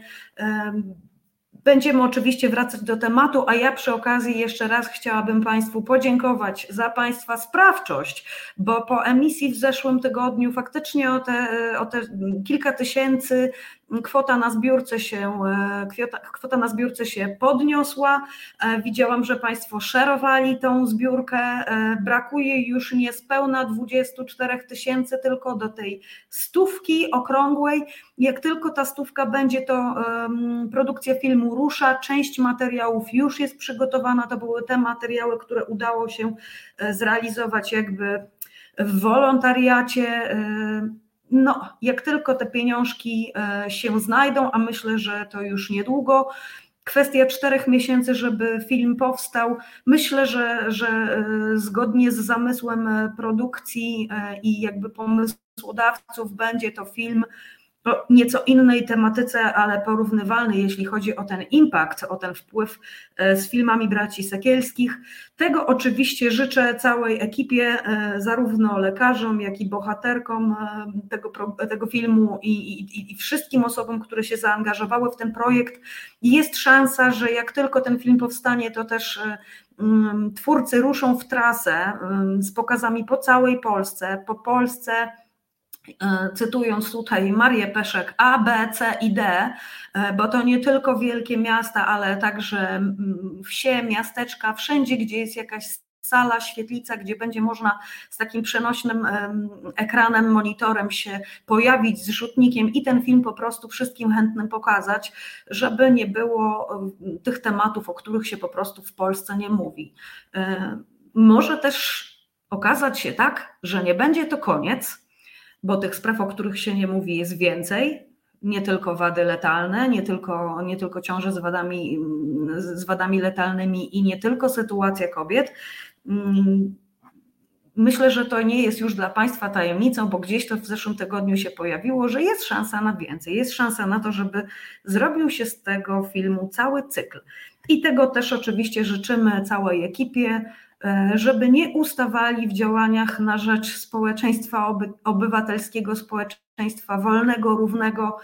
Mm, A my tutaj obywatelujemy sobie dalej. Od dłuższej chwili czeka w poczekalni nasza kolejna gościni. I ja już tutaj powiem szczerze, z dużym poczuciem winy chciałam przejść do strajkówki, bo w tym tygodniu jest coś świętować, ale mamy już Joannę Gzyrę i Skander na linii. Asiu, przepraszam cię najmocniej, naczekałaś się, a ja bym bardzo sprawy. chciała, bardzo chciała, żebyś ty dzisiaj też miała ten moment, bo to jest chyba coś, na co wszyscy tutaj w naszej społeczności czekamy, czyli okazja do tego, żeby naprawdę poświętować. E, Jest co?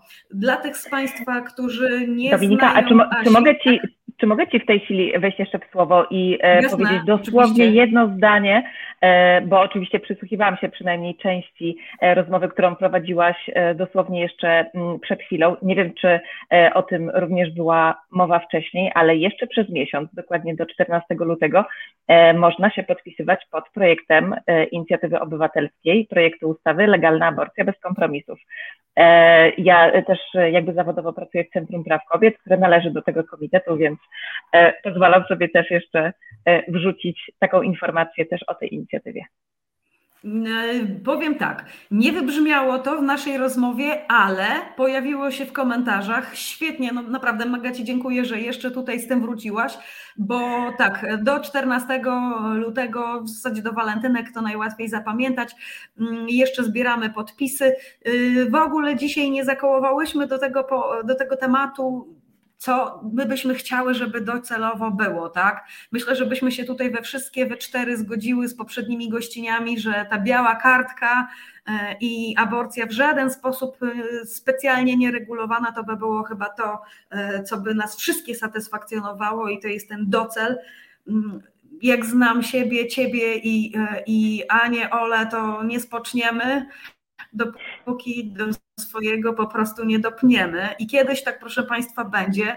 E, proszę mi wybaczyć ten optymizm. Ja zazwyczaj jestem trzeźwo oceniającą rzeczywistość osobą, ale jak już zobaczyłam roześmianą Asię i pomyślałam o tym, o czym za chwilę będzie można znowu porozmawiać, to naprawdę uśmiechnęłam się i tak przez moment zrobiło mi się kolorowo, wesoło i, i optymistycznie. Mm, mamy w tym tygodniu kilka sukcesów e, do, do, do odnotowania.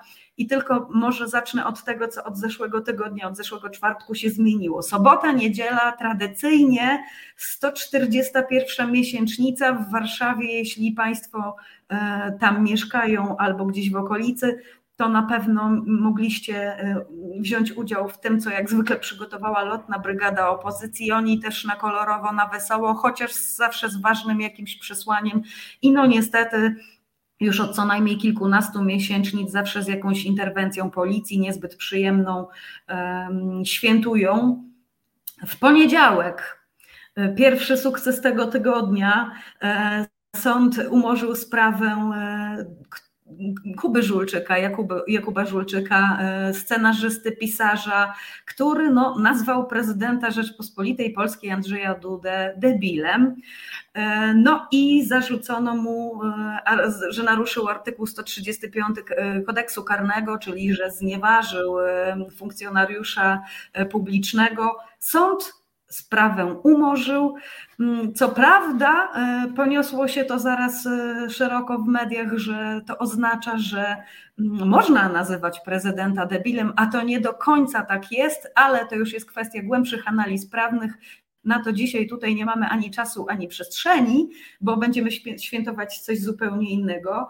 Wtorek to jest e, kolejny fajny wyrok, który jednak cieszy w tym zalewie rzeczy naprawdę strasznych i nieprzyjemnych E, Marta Lempart wygrała w e, sądzie z Piotrem Rybakiem.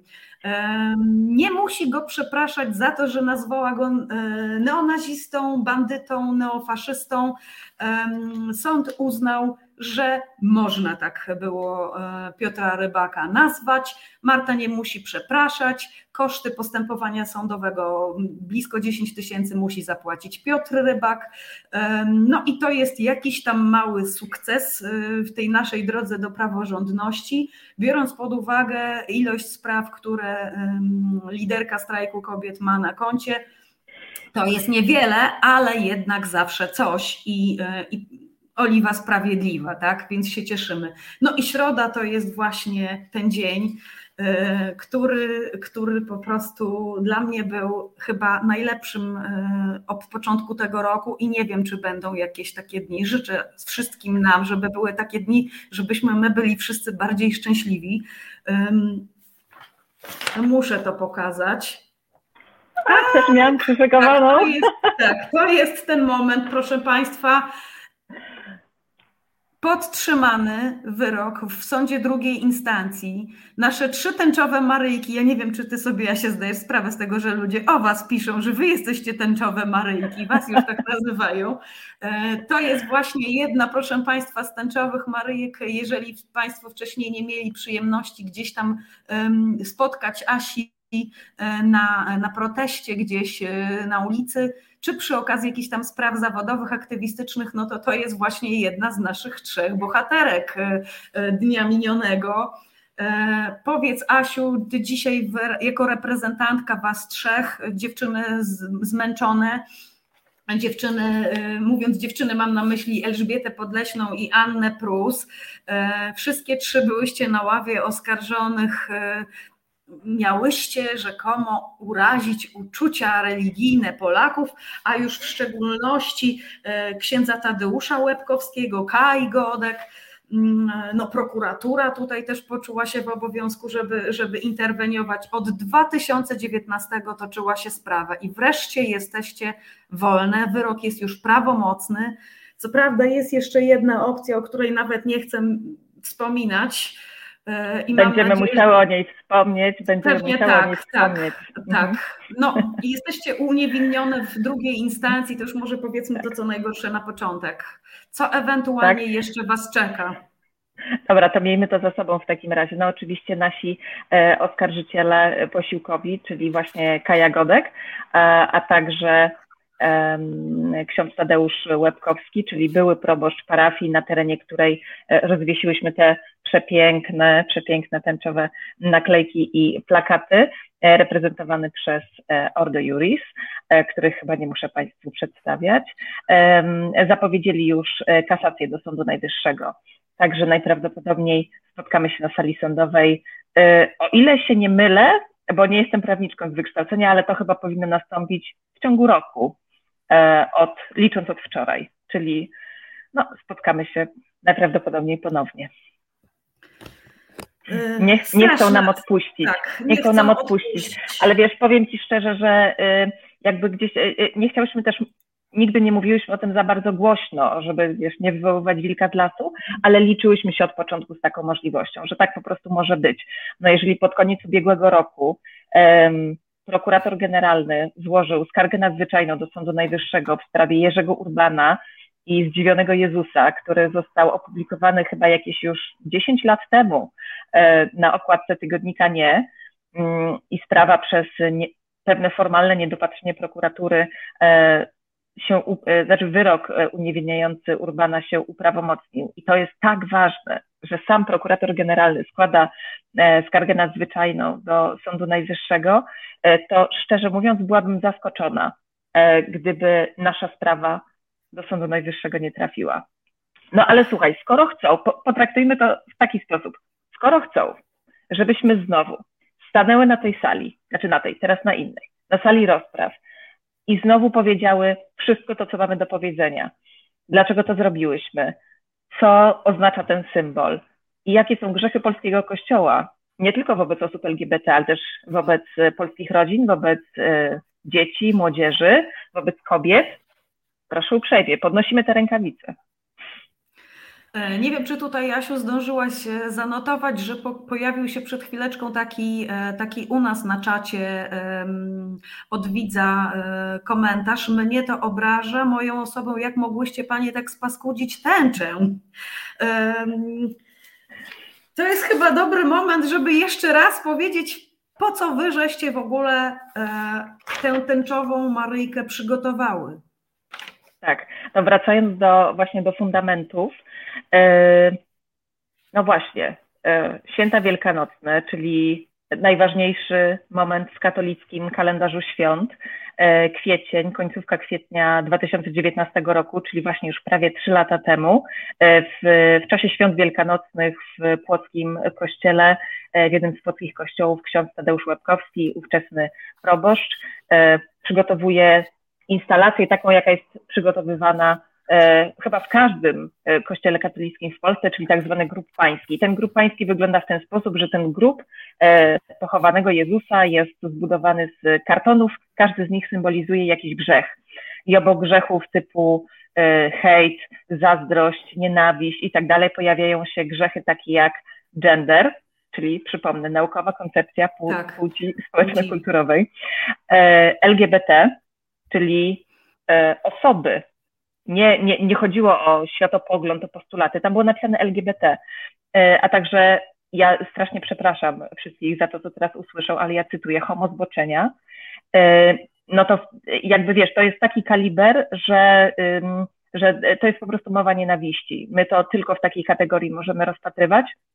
Uznałyśmy, że po prostu zaprotestowanie jest naszym obowiązkiem, bo my się na mowę nienawiści po prostu nie zgadzamy. Nie zgadzamy się na to, jak Kościół traktuje mm, e, osoby e, niecis heteronormatywne, e, osoby ze społeczności LGBT, bo po prostu Kościół napędza całą tę systemową machinę dyskryminacji. E, tej mniejszości, tak? Także nie można się na to absolutnie zgodzić. No i właśnie nasz pomysł był taki, e, żeby wokół kościoła zawisły plakaty i naklejki z tęczową, tęczową Maryjką.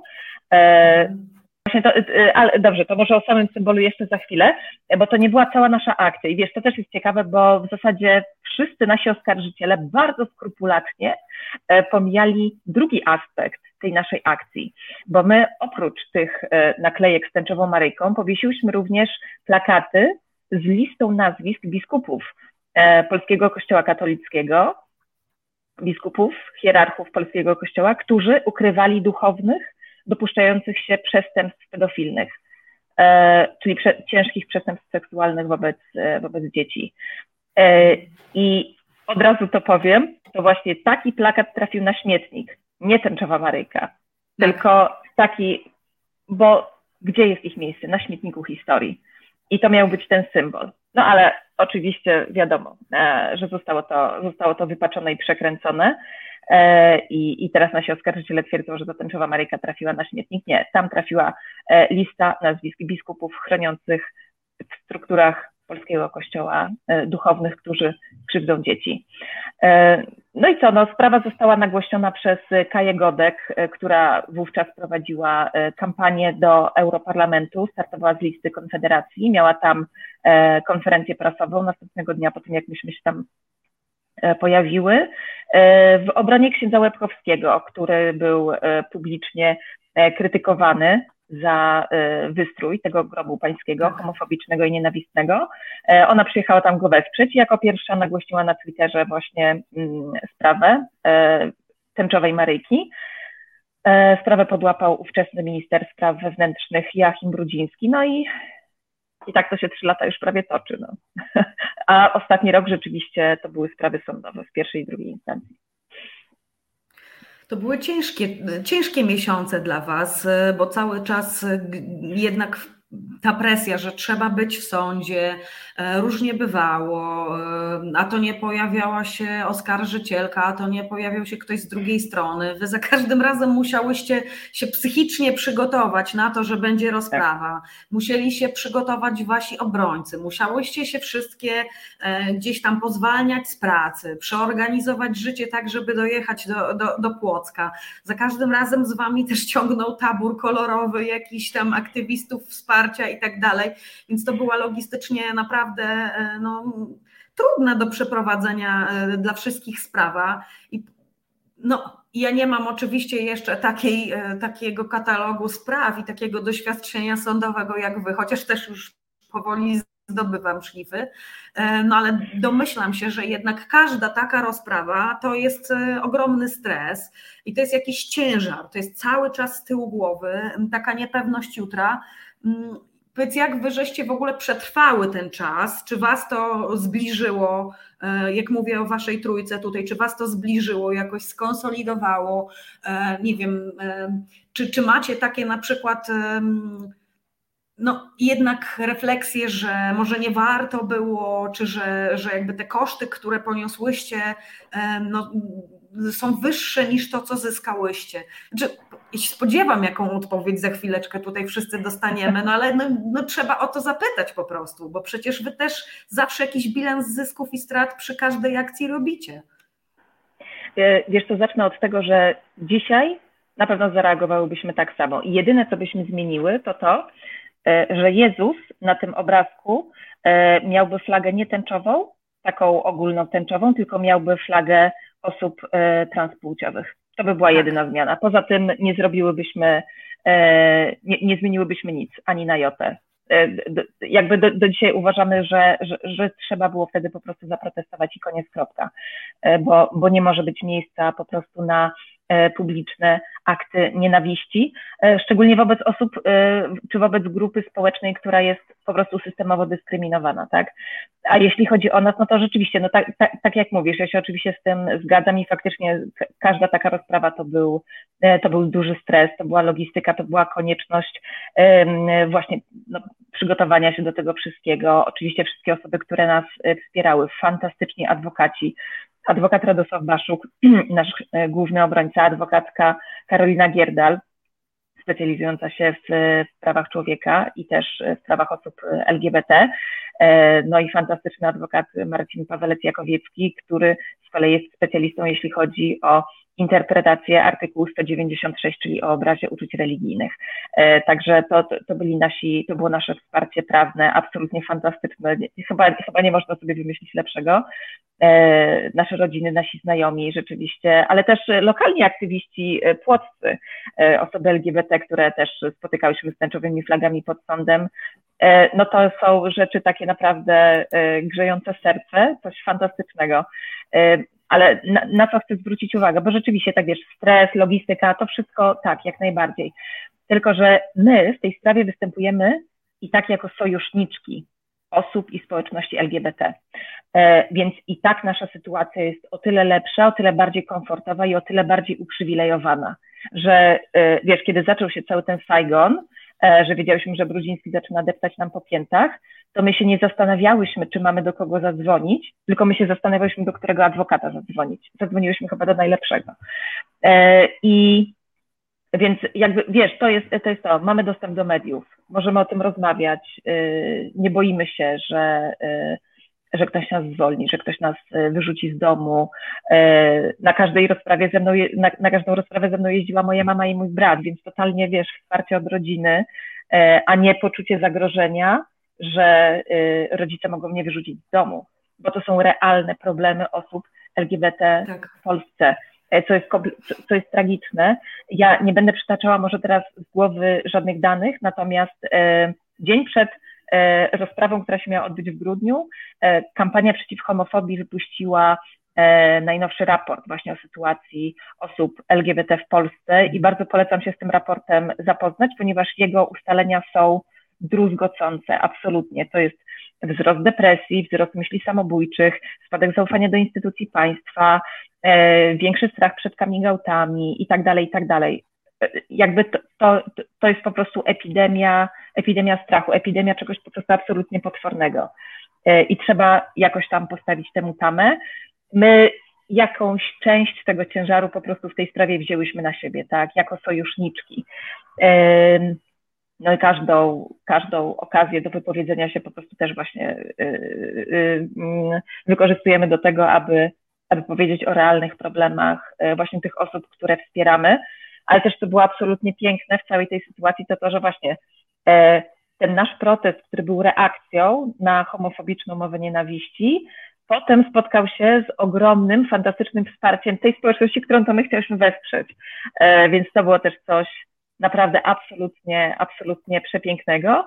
I wiesz, nawet jak wyszliśmy z pierwszej rozprawy, która się odbywała w styczniu ubiegłego roku, która była mhm. potwornie długa, trwała 8 godzin, e, to był styczeń, e, był mróz, padał śnieg, e, a kilkadziesiąt osób stało przez cały czas pod sądem, tańcząc, wspierając się, dzieląc się ciepłą herbatą, owijając się tęczowymi flagami i takimi foliami grzewczymi, żeby, żeby tam trochę ciepła osłonić. Oni tam po prostu przez cały czas byli i były. Myśmy cały czas ich, was słyszałyśmy, e, co było no naprawdę niesamowitym, niesamowitym gestem wsparcia. Myśmy się już wtedy czuły, jakbyśmy wygrały tę rozprawę. Nieważne, jaki będzie wyrok, po prostu je, jesteśmy w tym razem, jesteśmy solidarni, oni są solidarni z nami i to było dla nas wtedy naprawdę najważniejsze.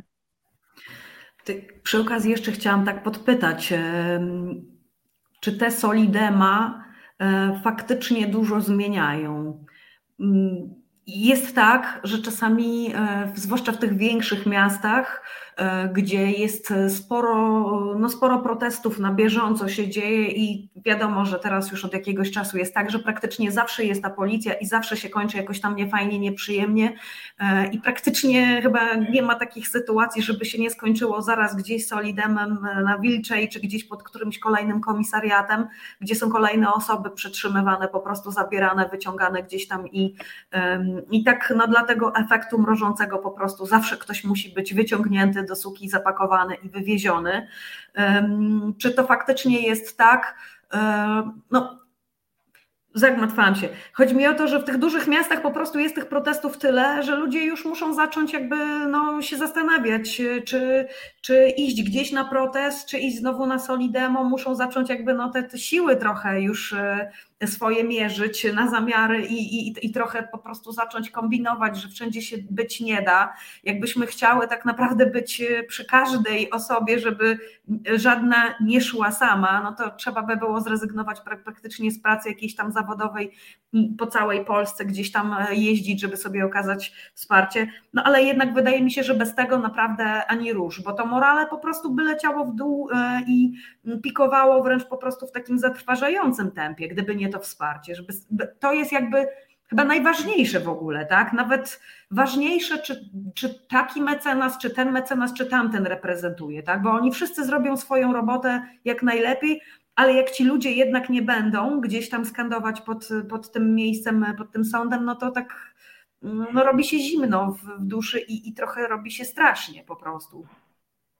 My, my słyszałyśmy takie głosy, że e, to jest sprawa, właśnie, która jest też ważna właśnie dla bardzo wielu osób ze środowiska e, osób LGBT, że ten symbol stał się dla nich ważny, że naprawdę poczuły, że ktoś o nich myśli, ktoś się nimi opiekuje, że nie są same i też chciały dać wyraz E, wdzięczności czy właśnie solidarności.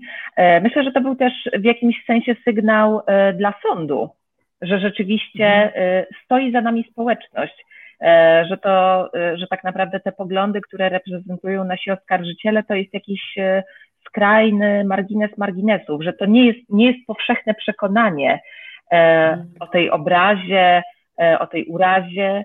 Mm, i też ta straszna nienawiść, którą oni po prostu e, sobą reprezentują i którą reprezentowali też niestety na, e, na sali sądowej, świeckiego jeszcze przecież sądu.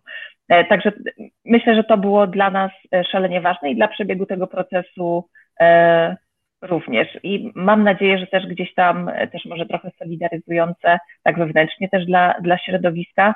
Natomiast rzeczywiście bardzo wiele osób się zaczęło utożsamiać jakoś z tym symbolem i z niego korzystać. On się przecież pojawiał i na e, paradach równości. E, chyba w ubiegłym roku albo jeszcze w dziewiętnastym dostałyśmy zdjęcie z Parady Równości kurczę, wydaje mi się, że chyba z Belgradu, e, gdzie lokalny aktywista wziął e, lokalną, bardzo szeroko znaną i rozpoznawalną ikonę przedstawiającą Matkę Boską e, i dodał jej właśnie tak jak u nas tęczową aureolę, tak? Więc to stało się symbolem też właśnie rozpoznawalnym tak no bardzo szeroko, międzynarodowo. Ludzie się po prostu z tym symbolem zaczęli utożsamiać i ten wyrok, wiem, że też był bardzo ważny właśnie dla osób ze społeczności e, LGBT, dlatego on tym bardziej jest również ważny dla nas. A powiedz, czy wy tak czujecie to, że stałyście się już bohaterkami, e, tymi obrończyniami praw człowieka na miarę ogólnoświatową? Bo ja powiem szczerze, że sobie dzisiaj zrobiłam taki eksperyment e, i w kilku językach wrzuciłam sobie w wyszukiwarkę właśnie e, tęczowa Maryjka i naprawdę pokazuje zdjęcia z caluteńkiego świata, z najrozmaitszych protestów, demonstracji, solidarnościówek, z parad to już nie jest jakby kwestia polska w tym momencie i taki jakby nasz typowo polski jednak, no bo związane z, z Częstochową, z konkretną miejscówką, z konkretnym e, kościołem, tak, miejscem kultu, e, symbol, tylko w tym momencie stała się to już rzecz po prostu międzynarodowa, symbol taki międzynarodowy właśnie jakby tego, że um, no, że religia sama w sobie nie jest homofobiczna po prostu, tak? Że to ludzie mają w sobie te, to zło, takie, tą homofobię, tą nienawiść, to ludzie to projektują na te symbole, a tak naprawdę no, no ta tęcza nikogo nie obraża i tak, no myślę, że wiesz, że polski, tak, polski mega... kościół rzeczywiście na pewno wykorzystuje religię właśnie do siania takiej nienawiści. Tak. To jest poważny tak. problem. Mhm. Chciałam właśnie jeszcze powiedzieć popularną, że, że no, wydaje mi się, że jednak e, te osoby, które tutaj są na tej, na tej pracy po, po prostu tym przedstawiły miłością stanowe, ludzie czytają i bo jakiś nasz log, że tego są środowiska, które na siłę tego nie chcą widzieć, tak? Mhm. E, nie wiem, czy to u mnie coś było z łączem internetowym, czy u Ciebie, Dominika. Nie do końca słyszałam, tak. e, nie, nie, do końca słyszałam Twoje pytanie. Jakby się mogła w kilku, w kilku sekundach chociaż streścić. E, mówię, że, że, że, że e, tak, bo to właśnie też ja też powiem Państwu, że patrzę w ekran i nie wiem, czy to ja się zawiesiłam na moment, czy to Asia się zawiesiła. Chodziło mi o to, że jakby te postacie, które są przedstawione tutaj na, tym, na tej grafice, na tym dziele, dziele sztuki, tak? Czy w zależności od naszych przekonań, czy to są, czy to są postacie mityczne dla nas, tak? czy to są postacie fikcyjne, tak? czy to są dla nas postacie historyczne, w zależności od tego, jakie mamy przekonania, tak to widzimy, no to jednak na całym świecie są to postacie, które są kojarzone z miłością, z tym, co piękne, co dobre, co kolorowe, tęczowe, barwne, tak, ciepłe.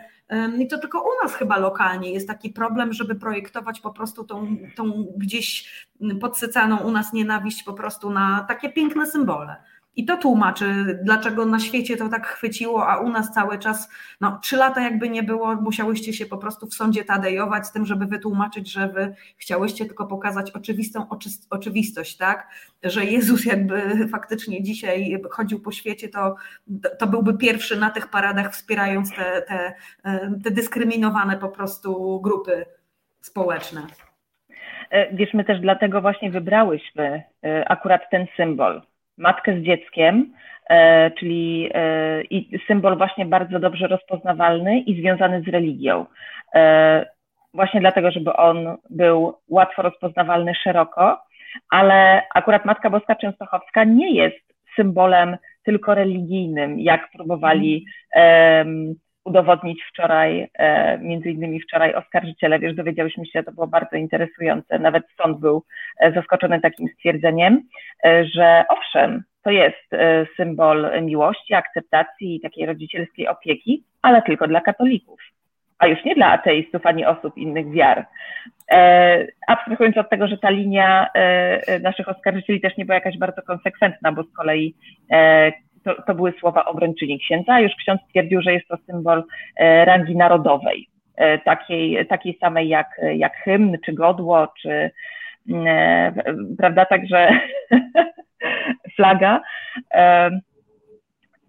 Więc wiesz, to też jest takie trochę jednak niespójne, czy jednak narodowy, czy tylko dla katolików. No ale już e, może, może nie znęcajmy się, nie czepiajmy się, nie czepiajmy się szczegółów. E, dla nas to jest e, w tym momencie z tą piękną tęczową flagą sześciokolorową, bo też wiele osób tutaj próbuje nam poddawać taką teologiczną wykładnię, że to jest, że tęcza to przymierze Boga z człowiekiem, a mhm, był taki tak. plakat kiedyś, jak papież przyjechał do Polski. Ludzie, to jest sześciokolorowa flaga symbolizująca ruch LGBT. To jest symbol równouprawnienia. jakby żadna teologiczna wykładnia, żaden papież. Tak, Nie. Tak, tak. E, to, to też chciałabym jakby, żeby to gdzieś tam, gdzieś tam stało się jasne. E, I tak, i dla nas to po prostu jest w tym momencie symbol e, miłości, akceptacji i troski, ale bezwarunkowej. To jest, to ma być to powiedzenie o sobie kocham cię, bez względu na to, jaka jesteś, jaki jesteś, tak? To, to, to właśnie taki symbol miał być. Na te wyrazy, wyrazy wsparcia, E, właśnie też napływające z całego świata, między innymi także dzięki e, Amnesty International, które regularnie dostarcza nam kolejne ciężkie koperty z setkami listów i pocztówek po prostu z całego świata, co jest tak niesamowite. I okazuje się, że na przykład w Holandii była taka akcja, że różnym e, pomnikom Holendrzy e, e, dokładali właśnie tęczową aureolę, pokazując, że w każdej małej miejscowości może wystanąć pomnik, który właśnie będzie takim symbolem wspierającym osoby LGBT. No kurczę, świetna sprawa, prawda? Dlaczego nie u nas? Dlaczego u nas, u nas jest, no właśnie, no a u nas jest po prostu wielka chryja, która, która się już trzy lata ciągnie i pewnie znajdzie swój finał w Sądzie Najwyższym. No, oby nie. Ja tam jednak dziś spokojnie, wiedząc, że wy macie bo wam się po prostu ten oddech i ten, ten, ta chwila tego spokoju psychicznego po prostu należy dla, dla zregenerowania się, nabrania siły i tak dalej. Powiem tak, jestem trochę słaba w takie techniczne rzeczy, ale przygotowałam sobie tutaj coś specjalnie takiego dla ciebie. E, No i chyba to jednak nie pójdzie.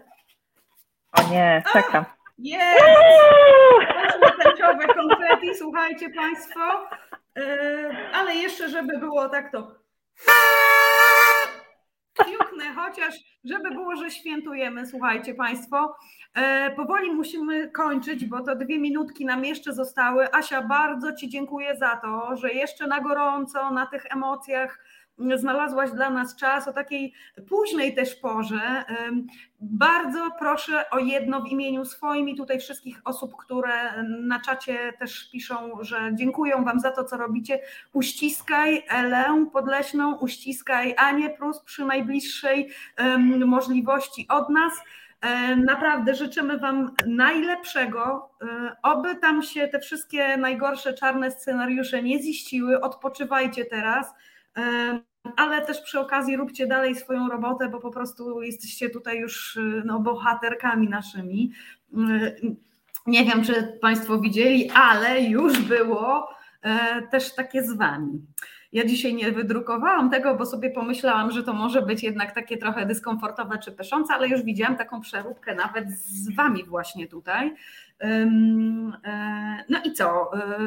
Mam nadzieję, że zobaczymy się też przy okazji we trzy, bo bardzo bym chciała, bardzo bym chciała, e, żebyście wszystkie miały okazję opowiedzieć, jak się czułyście i po prostu pogłębić jeszcze dzisiaj troszeczkę tą rozmowę e, o tych kosztach aktywizmu, o tych rzeczach, o których zazwyczaj się po prostu nie mówi też, e, czyli o tej ciemnej takiej stronie, o tych pogróżkach, o tych no, takich niefajnych rzeczach, które Was spotykają, ale dzisiaj jesteśmy w świętowaniu. Mam nadzieję, że Wy macie jakąś e, też możliwość, żeby się pocieszyć po prostu chociażby tym zwycięstwem, tym, że że dostałyście takie potwierdzenie po prostu, że jednak w Polsce te sądy jeszcze jakaś sprawiedliwość po prostu, jakaś no, no, to wszystko triumfuje, jak przychodzi co do czego. Ja mam nadzieję, że w tym Sądzie Najwyższym jakby no nie daj tutaj się wydarzyło, no to też jakby będzie wiadomo, e, że wy będziecie tam po prostu bezpieczne i pójdziecie tylko po to, żebyście miały znowu platformę e, do powiedzenia rzeczy ważnych których no, rzadko kto e, po prostu ma odwagę mówić i też mówi je tak pięknie. Dziękuję Ci bardzo, dziękuję to ja Państwu. ostatnie zdanie, mhm. dosłownie ostatnie zdanie w takim razie, e, bo Ty też tak mówiłaś właśnie, czy my się czujemy bohaterkami, ja jakoś tak wiesz, popłynęła mi się do tego, mhm. nie odniosłam, my się zupełnie nie czujemy bohaterkami, prawdziwymi bohaterami, bohaterkami i osobami bohaterskimi są osoby LGBT, które to wszystko na co dzień po prostu znoszą. Więc jeżeli komukolwiek się ten tytuł należy, to tylko i wyłącznie im, a jeśli chodzi o ten Sąd Najwyższy, to my tam po prostu zrobimy to, co, to, co mamy do zrobienia, a naprawdę my i tak już wygrałyśmy, bez względu na to, jaka będzie ta ostateczna decyzja, bo to jest symbol e, bezwarunkowej, bezwzględnej miłości, rozpoznawalny globalnie, a to by się nie udało, gdyby nie nasi oskarżyciele, więc może im nawet trochę złośliwie podziękować. No, trochę możemy im podziękować. No, w sumie cały postęp na świecie dzieje się dzięki temu, że ktoś zawsze e, no, e, e, no, robi coś niefajnego, tak? I dzięki temu ta jasność może wygrać potem z ciemnością i, i to dobro może po prostu zatriumfować. Bardzo Państwu dziękuję dzisiaj za uwagę i jeszcze tylko tak, zanim się pożegnamy i tutaj z wizji zejdziemy, to chciałam odnieść się też do tutaj Państwa wypowiedzi w komentarzach. Ja się staram naprawdę cały cały czas na bieżąco rozmawiać z gościnią, a jednocześnie gdzieś tam zerkać. Widziałam pytania dotyczące Marty Lempart i myślę, że tak. Ja po prostu Państwu Martę zaproszę i Panowie będziecie mogli zadać jej te pytania, które tutaj zadajecie na czacie. Wybaczcie, ja dzisiaj po prostu podjęłam taką, a nie inną decyzję w związku z tym, że mamy gościnę, która jest w chwili świętowania, która też poświęca swój czas, e, a jest na ostatnich nogach, bo maraton sądowy za nią i byłoby naprawdę, myślę, nie, nie okej. Okay. Gdybyśmy tutaj e, no, nie poświęcili tego czasu na tą rozmowę, która była zaplanowana i, i, na którą się umawialiśmy, a odpłynęli gdzieś w kierunku e, zupełnie innym, dotyczącym innej osoby. E, tak się składa, że, że, e, że my się z Martą dobrze znamy i jeżeli Państwo by chcieli, żeby Marta się pojawiła w programie, to proszę do mnie pisać i po prostu to umówimy. Bo przecież to jest wojna i tu się o strajku dalej mówi. Na pewno nie będzie tak, że będziemy tutaj jakiegoś tematu e, unikać, czy, czy że będziemy po prostu jakieś sprawy zamiatać e, pod dywan. E, tych spraw, tych slapów jest masa, na pewno taki temat się pojawi już w najbliższym czasie, a za tydzień pewnie będzie Oleks Czarnek, bo tego Państwo być może o mnie nie wiedzą, ale ja przez dobrych 16 lat pracowałam jako nauczycielka e, i temat edukacji jest mi szczególnie bliski i dzisiaj bardzo, bardzo, bardzo chciałam tutaj z Asią i z Państwem świętować wczorajsze zwycięstwo, a odsunąć od siebie trochę tą myśl po prostu o tym, co się wydarzy po prostu w najbliższym czasie dalej z polską szkołą. E, bardzo bym dzisiaj z tą myślą Oleks Czarnek nie chciała zasypiać. I jeszcze raz bardzo Państwu dziękuję. Asiu, Tobie dziękuję i rozłączamy się. Do zobaczenia za tydzień. Do zobaczenia. Dobrej nocy, spokojnej Państwu wszystkim. Dobranoc.